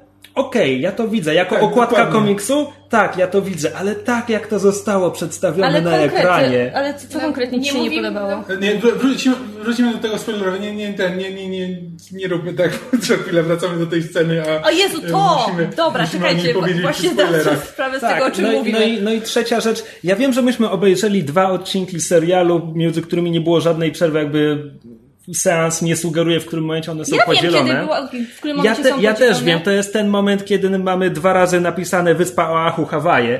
E, natomiast to, że ten Nie, w serial... pewnym momencie pojawiają się retrospekcje do poprzedniego odcinka, więc to... Właśnie nie, bo one po raz pierwszy pojawiają się moim zdaniem jeszcze przed tym podziałem.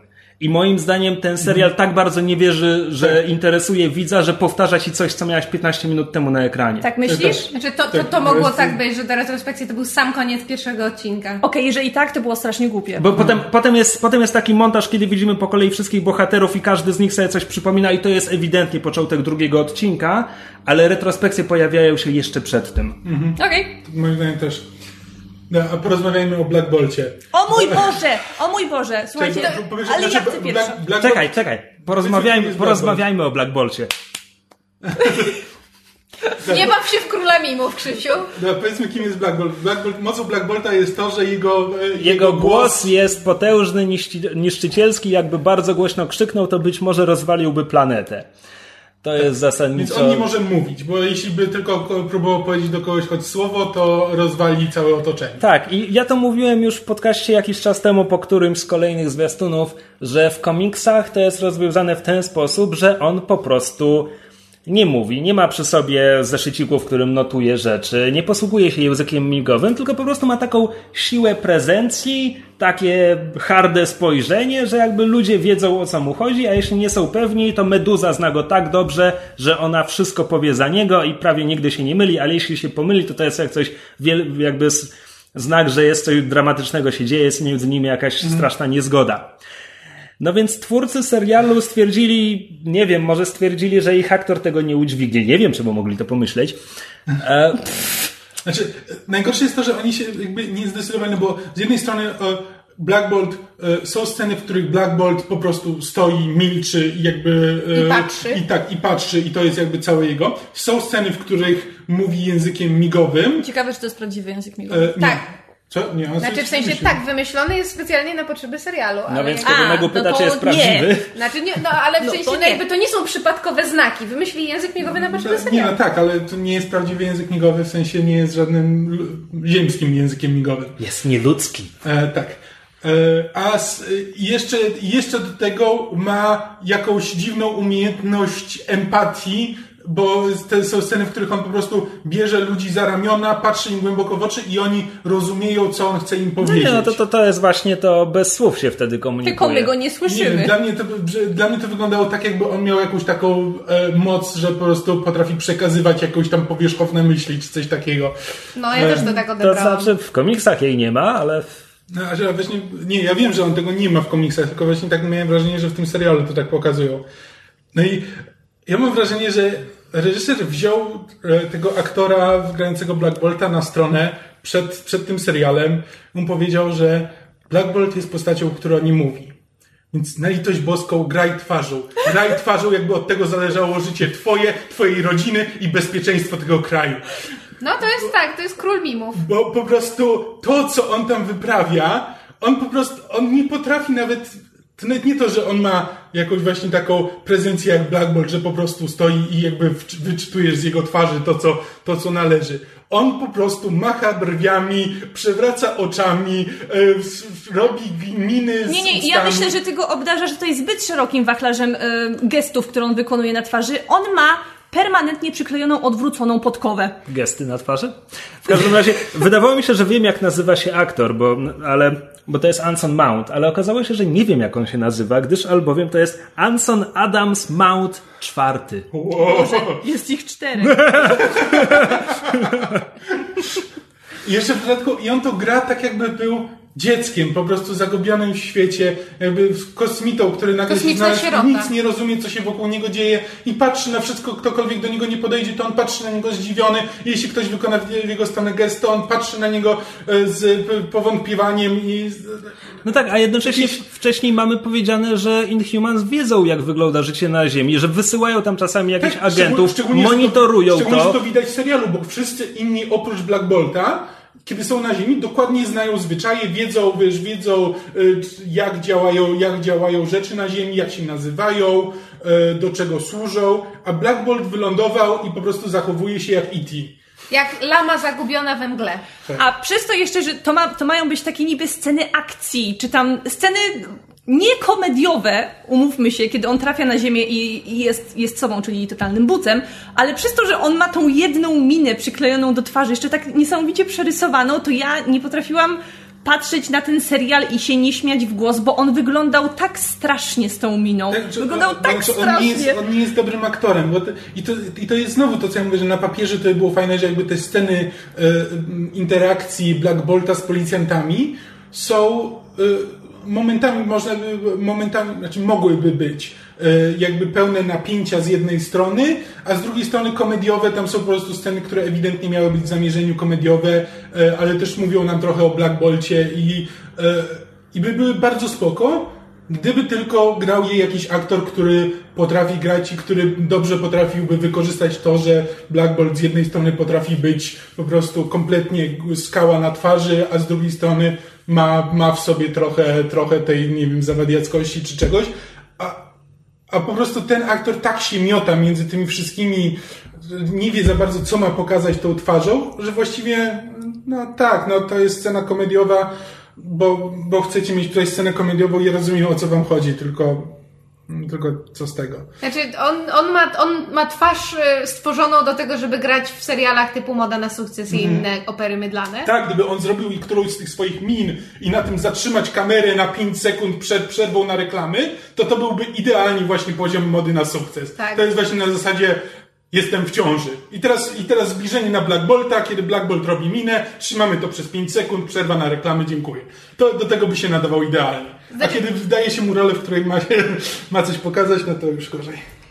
Znaczy, ja, ja, ja jakby rozumiem, dlaczego Ivan Rayon został obsadzony w roli Maximusa, bo jakby on został stworzony do grania krypnych gości, e, co jakby widać i w Grze o Tron, i wcześniej w, w Misfits.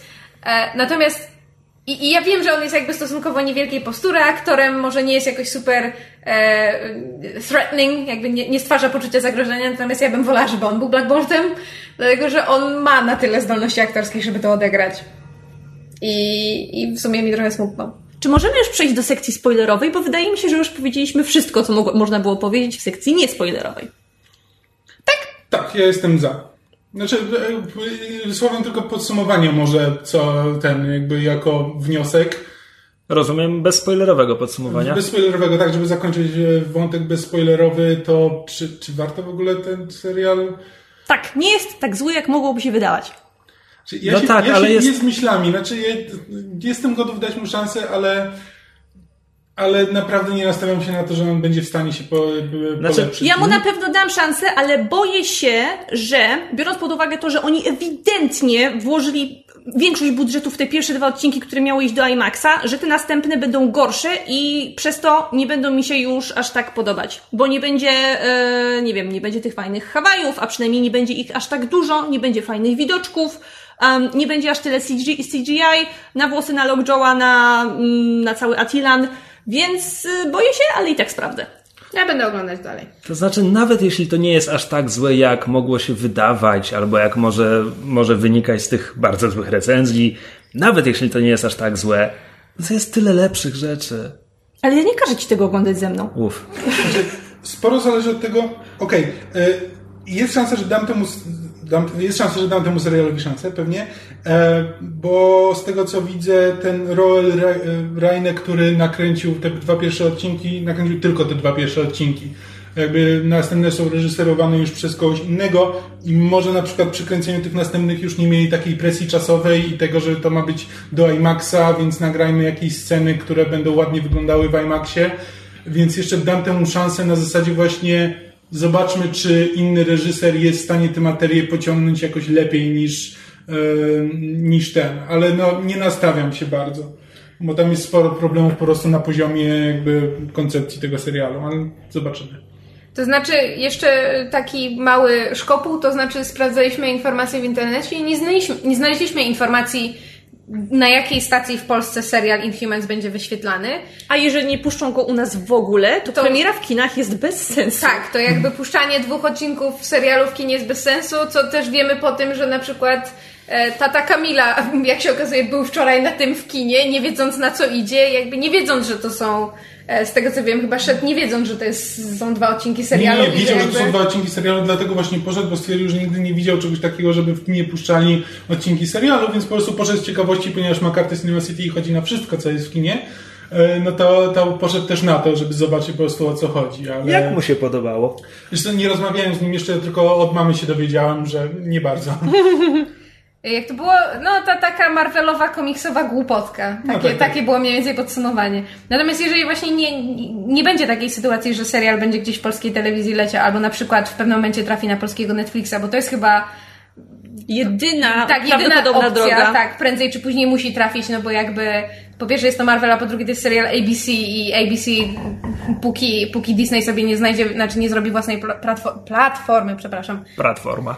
Platformy, to będzie na Netflixie, ale jakby jeżeli nie planują tego puszczać w telewizji, to po co? To znaczy to dystrybutor tak ostro przestrzelił, zwłaszcza, że na tym dzisiejszym seansie jakby to była niedziela po południu, ale było strasznie smutno na tej sali. No tam było może w ogromnej sali dla IMAXa było z maksymalnie, 30? Tak. nie wiem, 20 Nie, no osób. 30 może. Ale- 30 Wyglądało ale- to ale smutno. Pustki, wiało pustkami w Tak, sali. było, było dość smutno. Dobrze, ale to tyle słowem podsumowania. E, to przejdźmy może do sekcji spoilerowej, w której jak e, widzę chcemy coś jeszcze omówić.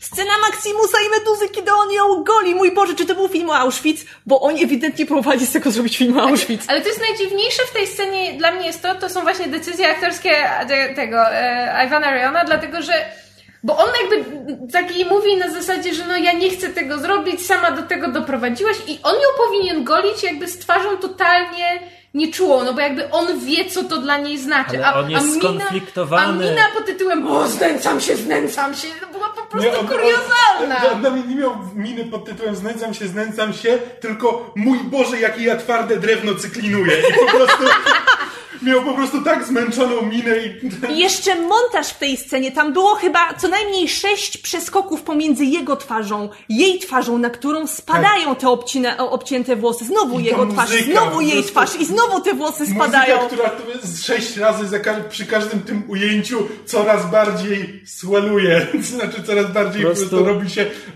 bombastyczna. I, o, Czy, czy nikt, kto tego nie montował, nie powiedział tym ludziom Dude, you're overdoing it, bo to by Ale była tak totalna muzyka, przesada. Muzyka w tym serialu, przecież jak... Okej, oni muzyka.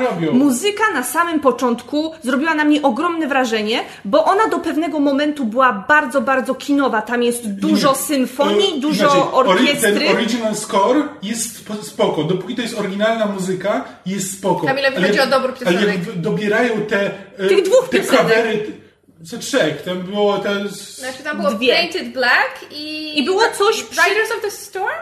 Nie. Nie, Painted Nie. Black... Czekaj, nie, e, Painted Black było jakaś Nirvana... E, O których scenach mówisz? Bo ja kojarzę dwie sceny, w których były piosenki. Była scena konfrontacji pomiędzy Meduzą a Maximusem, a To było chwilę Painted wcze- Black. To było Painted Black, a Chwilę chwilę wcześniej. wcześniej była scena, kiedy y, strażnicy i Maximus przychodzą po e, Karnaka, Gorgona, tego Azjatę z tatuażami. Karnaka. I to, była, I to była druga piosenka. Nie kojarzę w ogóle trzeciej piosenki. Ale po, cho- chodzi, chodzi Był, mi o... był moment, który brzmiał jakby zaczynała się piosenka, ale tam nie było żadnego tekstu i moim zdaniem to był po prostu... Ta, tam był jeszcze jakiś cover. E, nie pamiętam w tym momencie czego, ale e, jestem przekonany, że tam były przynajmniej trzy covery e, piosenek. Ja miałam wtedy taki flashback do Suicide Squad, bo ilość czasu, jaka upłynęła pomiędzy jedną a drugą piosenką, była tak, tak bardzo niewielka. To po prostu ale wrzucili wiesz- dwie piosenki w ciągu pięciu minut serialu. Jeszcze, jeszcze, to, ale za każdym razem, każdy, za każdym razem wybierają najbardziej po prostu edgelordowy cover, jaki tylko się dało. Po prostu ma być, ma być edgy i ma brzmieć po prostu jak, e, jak Evanescence. E, no nie, no po prostu to jest tak przesadnie dramatyczne. I to tak E, bardzo nie pasowało do tego rodzaju kompletnie serialu. Nie pasuje do konwencji. Zero, zero po prostu czegokolwiek. Tym bardziej, że jeżeli robimy serial, w którym wykorzystujemy normalne piosenki, to to nie może być tylko jeden odcinek. Nie wiem, Grey's Anatomy czy mnóstwo innych seriali obyczajowych ma piosenki wpisane w konwencję, potem wypuszczają soundtracki z tymi piosenkami i to jest w, tych, w, w każdym odcinku to jest normalne, że pojawi się jakaś piosenka, a tutaj masz dwie piosenki w pilocie, w drugim odcinku nie pojawia się absolutnie żadna piosenka i ja dam sobie rękę uciąć, że do końca serialu jeszcze nie pojawi w nim żadna piosenka, dlatego było to totalnie dziwne, ja nie rozumiem w ogóle tych de decyzji, tym bardziej wracając jeszcze do original score, ja mam wrażenie, że oni w drugim odcinku, czy tam w drugiej połowie całego seansu zupełnie o nim zapomnieli, bo tam już go nie słyszałam oni cały budżet również na muzykę władowali w pilota. Możliwe, nie wiem. Znaczy w, ogóle strasznie mi się podoba pomysł, że, te, że serial jest kręcony w Honolulu, bo y, jakby Hawaje jest. Są... Rzadko się widuje. Tak, rzadko się widuje na, na ekranie, no jakby nie licząc Hawaii 5.0. E... Przepraszam, dajmy jej e, chwilę. Ale i to jest bardzo, bardzo fajny setting i bardzo fajnie działa. Ja, już, ja, ja też to powiedziałam i myślę trochę ze mnie śmiała, bo ja na przykład nie wiedziałam, że Honolulu to jest takie duże miasto i taka duża metropolia. Właśnie dlatego, że nie pokazuje się go tak w telewizji. Zazwyczaj Hawaje w telewizji to, to jest wybrzeże tak. i to są imprezy z kwiatami na, na szyjach i w, w tych No tak, e, spódniczkach z trawy. Wszystkie praktycznie filmy, filmy, które się dzieją na Hawajach, to są filmy o e, zmęczonym życiem facecie, który poznaje dziewczynę z Hawajów i wszystko się dzieje w jakiejś e, knajpie obitej słomą. Ale ten, w, zagu- w Zagubionych mam wrażenie, że Honolulu grało każde jedno miasto, które pojawia się we flashbackach. To znaczy właśnie przeczytałam na Wikipedii, że powód, dla którego serial powstawał na Hawajach jest taki... Yy, yy, Tanio. tak, tanio, tanio, podatki, I mnie to podatki. pasuje. I- Widoczki były ładne, miasto było ładne. Ale Kamil wspomniał o Hawaii Five-O, żeby było śmiesznie, jest właśnie akapit o tym, że ponieważ jedyne studio na wyspach jest zajęte przez ekipę produkcyjną Hawaii Five-O, w związku z tym, żeby zrobić Inhumans, musieli, musieli stworzyć własne na bazie, lot, na, na terenie bazi lotniczej. Bazie, Bazii lotniczych. bazie lotniczej. Hawaii Five-O Znam te jeszcze, kwiatki. jeszcze leci? Oczywiście, że tak. Myślę, że ten serial się skończył. Nie, jeszcze leci. W każdym razie, bo pytałeś, czy, czy związaliśmy się z jakąś postacią i kurczę, są dwa odcinki i ja mam wrażenie, że żadnej z tych postaci nie, za, nie zaprezentowali. Co- ja potrafię powiedzieć o którejkolwiek z nich? Tak naprawdę, okej, Maximusa jest dużo, bo jest głównym antagonistą. Tak naprawdę najlepiej zaprezentowana jest Meduza, bo widzę jej moce Meduza- i charakter, ale to nie są dobre sceny. Znaczy Meduza jest na tyle najlepiej z za, pokazana, że mam ochotę dowiedzieć się o niej czegoś więcej, że mam wrażenie, że jest tam jakaś postać, o którą chciałbym poznać. Te dwa pierwsze odcinki nie bardzo ją jeszcze pokazują, ale jest tam jakaś iskierka nadziei, podczas gdy cała reszta mam wrażenie, że już zobaczyłem wszystko, co, co te postacie mają do pokazania i tego jest niewiele. E, Karnak parę lat temu, właściwie to chyba nawet w zeszłym roku, e, Karnak miał taką krótką miniserię pisaną przez Warrena Ellisa, który przepisał go na totalnego buca i wzięli z, tej, z tego zaprezentowania, z tego sposobu prezentowania postaci, wzięli tak naprawdę dwie kwestie, bo jest jeden moment, kiedy on na tej ceremonii Terigenezy, on zaczyna mówić do siebie o tym, że wszechświat i tak zginie, więc nic nie ma znaczenia i to jest jedna taka scena. I druga scena to jest, kiedy e, on wpada w oko jakiejś służce i mówi jej, że po dwóch i pół dnia chciałbym się już zabić i wykłada czemu. To są dwie sceny, które A ewidentnie są inspirowane tym, jak Warren Ellis go pisał, i B to są te dwie sceny, kiedy czuję, że on ma mieć jakiś charakter, tylko że ja tego charakteru nie widzę w żadnej innej jego scenie. Ani razu. Bo on jest później od, po prostu takim oddanym przydupasem, który budzi się Tak, te, po tym, jak taki- traci przytomność i twierdzi, muszę odnaleźć mojego króla. Kurde, nawet nie wiesz, gdzie jest ten król. Po, po co ty tam chodzisz po tej wyspie? Tak, on po prostu wychodzi na jakiegoś takiego androida, jakby kompletnie, że jakby z jednej strony właśnie są sceny, w których jest najwidoczniej jakieś emocje ma, one są zazwyczaj cyniczne i, e, e, i bucowate, ale jednak ma, ale kiedy jakby nie jest, scena nie wymaga, nie, nie jest o tym, że, że on jest bucem, to on jest w trybie po prostu androida, który nie ma kompletnie, ma kompletnie zero emocji, a jeśli cokolwiek nim właśnie powoduje, to tak jak mówisz, oddanie, oddanie wobec króla i on po prostu idzie, idzie jak cyborg po, po wyznaczonej ścieżce. No, a z kolei Gorgon jest takim jest wesołym wojownikiem. To jest ten schemat, tak? Nie, nie, nie Klingon, tylko bardziej, nie wiem. Cze- Czekaj. Kto jest takim schematycznym, rubasznym rozru... Typowy do fraki. No o, właśnie, nie Klingon, tylko Dofrak. Okej. Pasuje. Barbarzyńca z D&D. Pasuje mi to. Tak, natomiast kompletnie nie mam pojęcia, kim według tego serialu jest Crystal, bo ona ma tak ze dwie sceny, które mi sugerują, że chyba ona ma być roztrzepaną nastolatką, tylko że zatrudnili 23-letnią kobietę do tej roli, więc ona za cholerę nie wygląda jak nastolatka. E, nie, wygląda. Nie. Tak, Nie. tak. Trochę wygląda.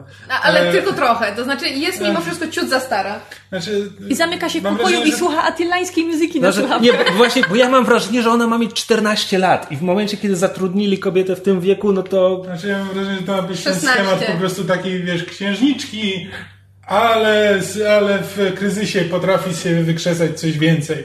Tak, tylko, że what? Nie. I ten serial tego nie pokazuje i ta aktorka tego za cholerę nie udźwignie. No właśnie o tym chodzi. Jakby obejrzałem dwa odcinki, to jest łącznie prawie półtorej godziny materiału i autentycznie uważam, że Maximus i Meduza to są jedyne postacie, które ten serial przedstawia. Po prostu, kropka. Moim zdaniem robi to źle, ale to już mniejsza, bo reszty w ogóle nie przedstawia. Tak, w ogóle scena, scena z flashbacku, w której Meduza wchodzi do młodego Black Bolta i mówi jej tyl, mówi mu tylko dwa zdania. Jestem Meduza, inni się ciebie boją, ale ja nie. To było tak niepotrzebne. To było tak po prostu było patologiczne, tak niepotrzebne. Jakby tak, wszyscy A czy- widzimy, że Meduza z Black Boltem łączy coś więcej niż go łączy z kimkolwiek innym. Naprawdę, ta scena była... A czy nie podobała wam się bardziej scena, kiedy Black Bolt sobie przypomina, jak zabił swoich i Maximusa rodziców? O Jezus, tak. On ich wy... wywaporyzował. Co się stało z tymi rodzicami? Tam No. zostałem po nich tylko No on powiedział- cienie. on Ro- powiedział- rozprysnęli się na On ścianie. powiedział why i to wystarczyło.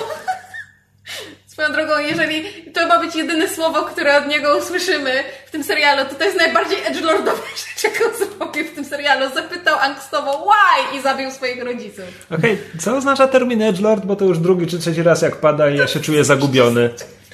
Kojarzysz, co znaczy edgy, czy że... No, tak. No, no to edgelord to jest osoba, która za wszelką cenę chce być edgy i taka ten, e, alternatywna, e, mroczna i... Świat mnie nie rozumie. W każdym razie, Buchu. Megu, zadałaś pytanie, po co tam była ta retrospekcja, no a sorry, ja zadaję pytanie, po co jest ten serial. Jakby... No po co, naprawdę.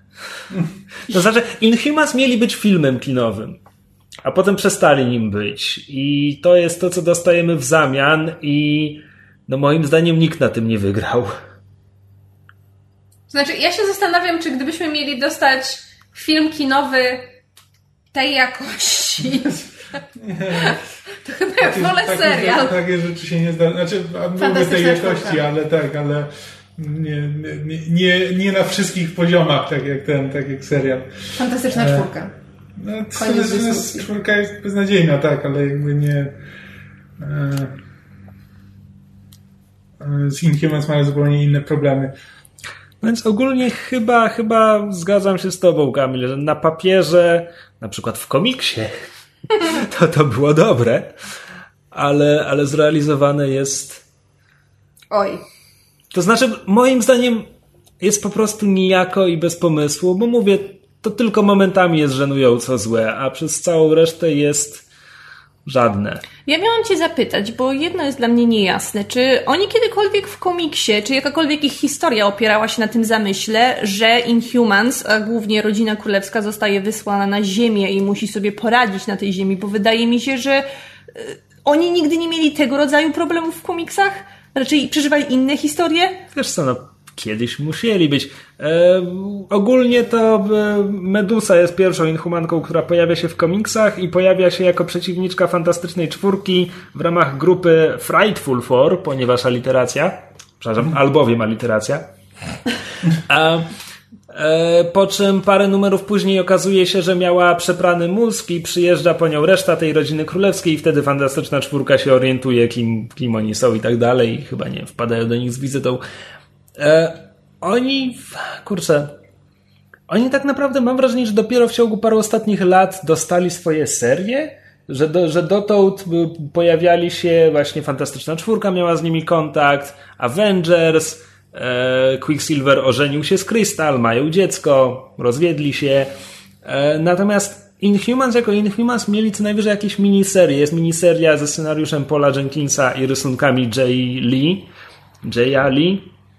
Um, I zawsze, kiedy ludzie pytają o dobry komiks z Inhumans, to odpowiedź jest to ten, to ta. To jest, to jest 8 zeszytów, może 12. I to wygląda trochę tak, jakby to był jedyny dobry komiks z Inhumans, przynajmniej z nimi w rolach głównych, bo oni nie byli pomyśleni, nie wymyślono ich, Lee i Kirby, nie wymyślili ich jako protagonistów. To Oni, NPC. oni są dziwakami, z którymi protagoniści się spotykają i kiedy są w centrum historii, no ja, czyta, ja czytam, czytałem te współczesne komiksy z Inhumans, które były w najlepszym wypadku nijakie. I mam wrażenie, że, ten, że to po prostu Ale ja sobie teraz ten wyobraziłem właśnie niczym karnek po prostu przed, przed, przed oczami mi stanęły jakby kolejne odcinki tego serialu i sobie wyobraziłem, że oni ponieważ wylądowali na tej ziemi, to oni teraz na tej ziemi uczą się, co to znaczy być człowiekiem i co znaczy demokracja i wolność i, e, i wracają z tą uzbrojeni w tę wiedzę do siebie i wprowadzają, wprowadzają nowe rządy. Oj,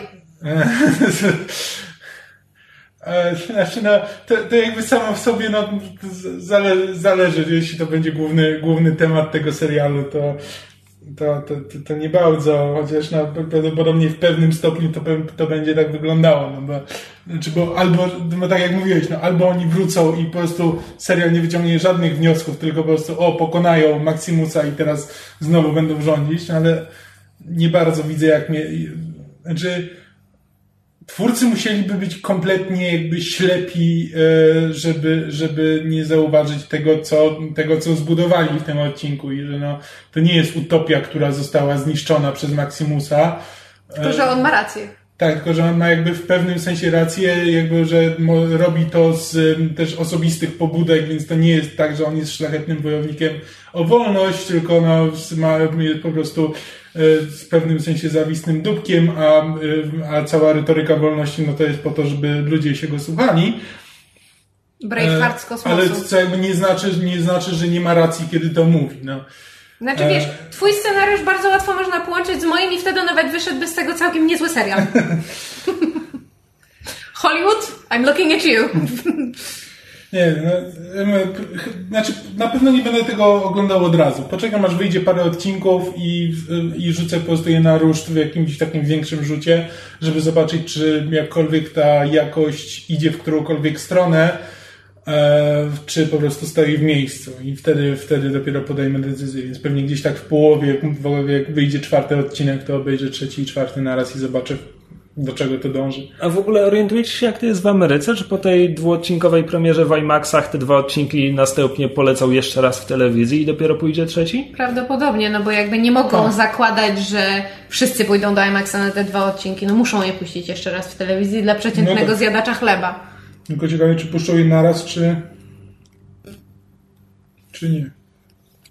Szczerze mówiąc, ja na ich miejscu bym je jednak podzieliła, bo one, znaczy nachalność tych różnych tam retrospekcji i mimo wszystko różnica poziomu pomiędzy pierwszym a drugim odcinkiem jest moim zdaniem zauważalna. Tak jak mówisz, różnica poziomu, to który był lepszy? Pierwszy. Pierwszy. Mimo wszystko pierwszy. Jakby jako wprowadzenie pod względem jakby jakości na przykład właśnie muzyki, w sensie oryginalnej ścieżki dźwiękowej, jakby tego jak jest pokazane, ile CGI w to poszło, widoczki, to co jakby już Megu w odcinku wspominała. Ja się z tym zgadzam, że jakby pierwszy pod tym względem jest, jest lepszy. No bo to jest pilot w Ej, a w ogóle, a A, myślicie, że, myślicie, że oni obcięli Meduzie włosy, dlatego że stwierdzili, że kurde, nie mamy tyle pieniędzy i nie chce nam się pracować nad tym CGI? Prawdopodobnie. Plus, a, bo mówimy o wszystkich postaciach i tak dalej, które są jakkolwiek pokazane, o których nic nie wiemy i tak dalej, a y, jesteśmy już w sekcji spoilerowej, a słowem się nie zająknęliśmy o Trytonie, który zostaje odstrzelony na początek, więc ten ten jedyny, który nie wyglądał jak człowiek i musieli marnować czas na charakteryzację, to już go potem nie ma. Znaczy wróci oczywiście, bo nie ma ciała, Oni nie są zabili bardzo go. ekonomiczni, oszczędzają na wszystkim, co się da. Prawda? E, Lodżur nie wyjdzie z tego więzienia do ósmego odcinka, zaryczam wam. Jeden, je- ten bohater, który najgorzej gra, nawet nie musi mówić. E, Znalazłem informację, że ci Inhumans mają przez dwa tygodnie lecieć w IMAXach, a premiera będzie 29 września. Uff, to jeszcze przez trzy tygodnie nie musimy tego oglądać, okej. Ale przecież ty chcesz to Właśnie. oglądać. No ale, ale... Ale, ale, ale, ale, ale, ale... Cicho! Tak naprawdę przez 5 tygodni nie musimy tego oglądać, bo to za 3 tygodnie dopiero poleci, a potem jeszcze 2 tygodnie będą te od- e, Pierwsze odcinki, pierwsze które dwa znamy. odcinki, więc Tak. Więc mamy około miesiąca. tak, spokojnie. Jeszcze zdążysz zapomnieć, co jest z tym serialem nie tak. E, czy, to, czy to tyle? Myślę, że tak. Tak, zdecydowanie. I tym optymistycznym akcentem kończymy ten segment e, i przechodzimy do tradycyjnej tyłówki. Wow. Spadaj. Wiesz, jak trudno się wgrywa segment pomiędzy to, co już nagraliśmy, A to wyście nagrali już tyłówkę? Tak. Tak, jesteśmy leniwi. To nikt mnie nie pożegna? Cześć Megu. Cześć, Pa. Megu, pa! Teletupi się mówią papa. I Megu też. Jesus. Sama tego chciałaś. Dosłownie o to poprosiłaś. Ojejku. No dobrze. To tyle w dzisiejszym odcinku. Jak zwykle, jeśli chcecie z nami podyskutować, to zapraszamy na fanpage'a Myszmasza albo na naszą stronę myszmasz.pl. Jeśli macie ochotę na więcej podcastów, to, to wejdźcie na podsłuchane.pl i tam macie o wszystkich gałęziach popkultury, co tylko sobie możecie e, wymarzyć. Jeśli byście chcieli nas wesprzeć, to, to, to zawsze nam będzie bardzo miło i na patronite.pl jest ku temu możliwość. E, czy jeszcze o czymś zapominam? Chyba nie. Chyba to tyle na koniec. Dosyć ten, dosyć żebrania e, i słyszymy się za tydzień. A jeśli do nas napiszecie, będziemy szczęśliwi jak surykatka w beczce.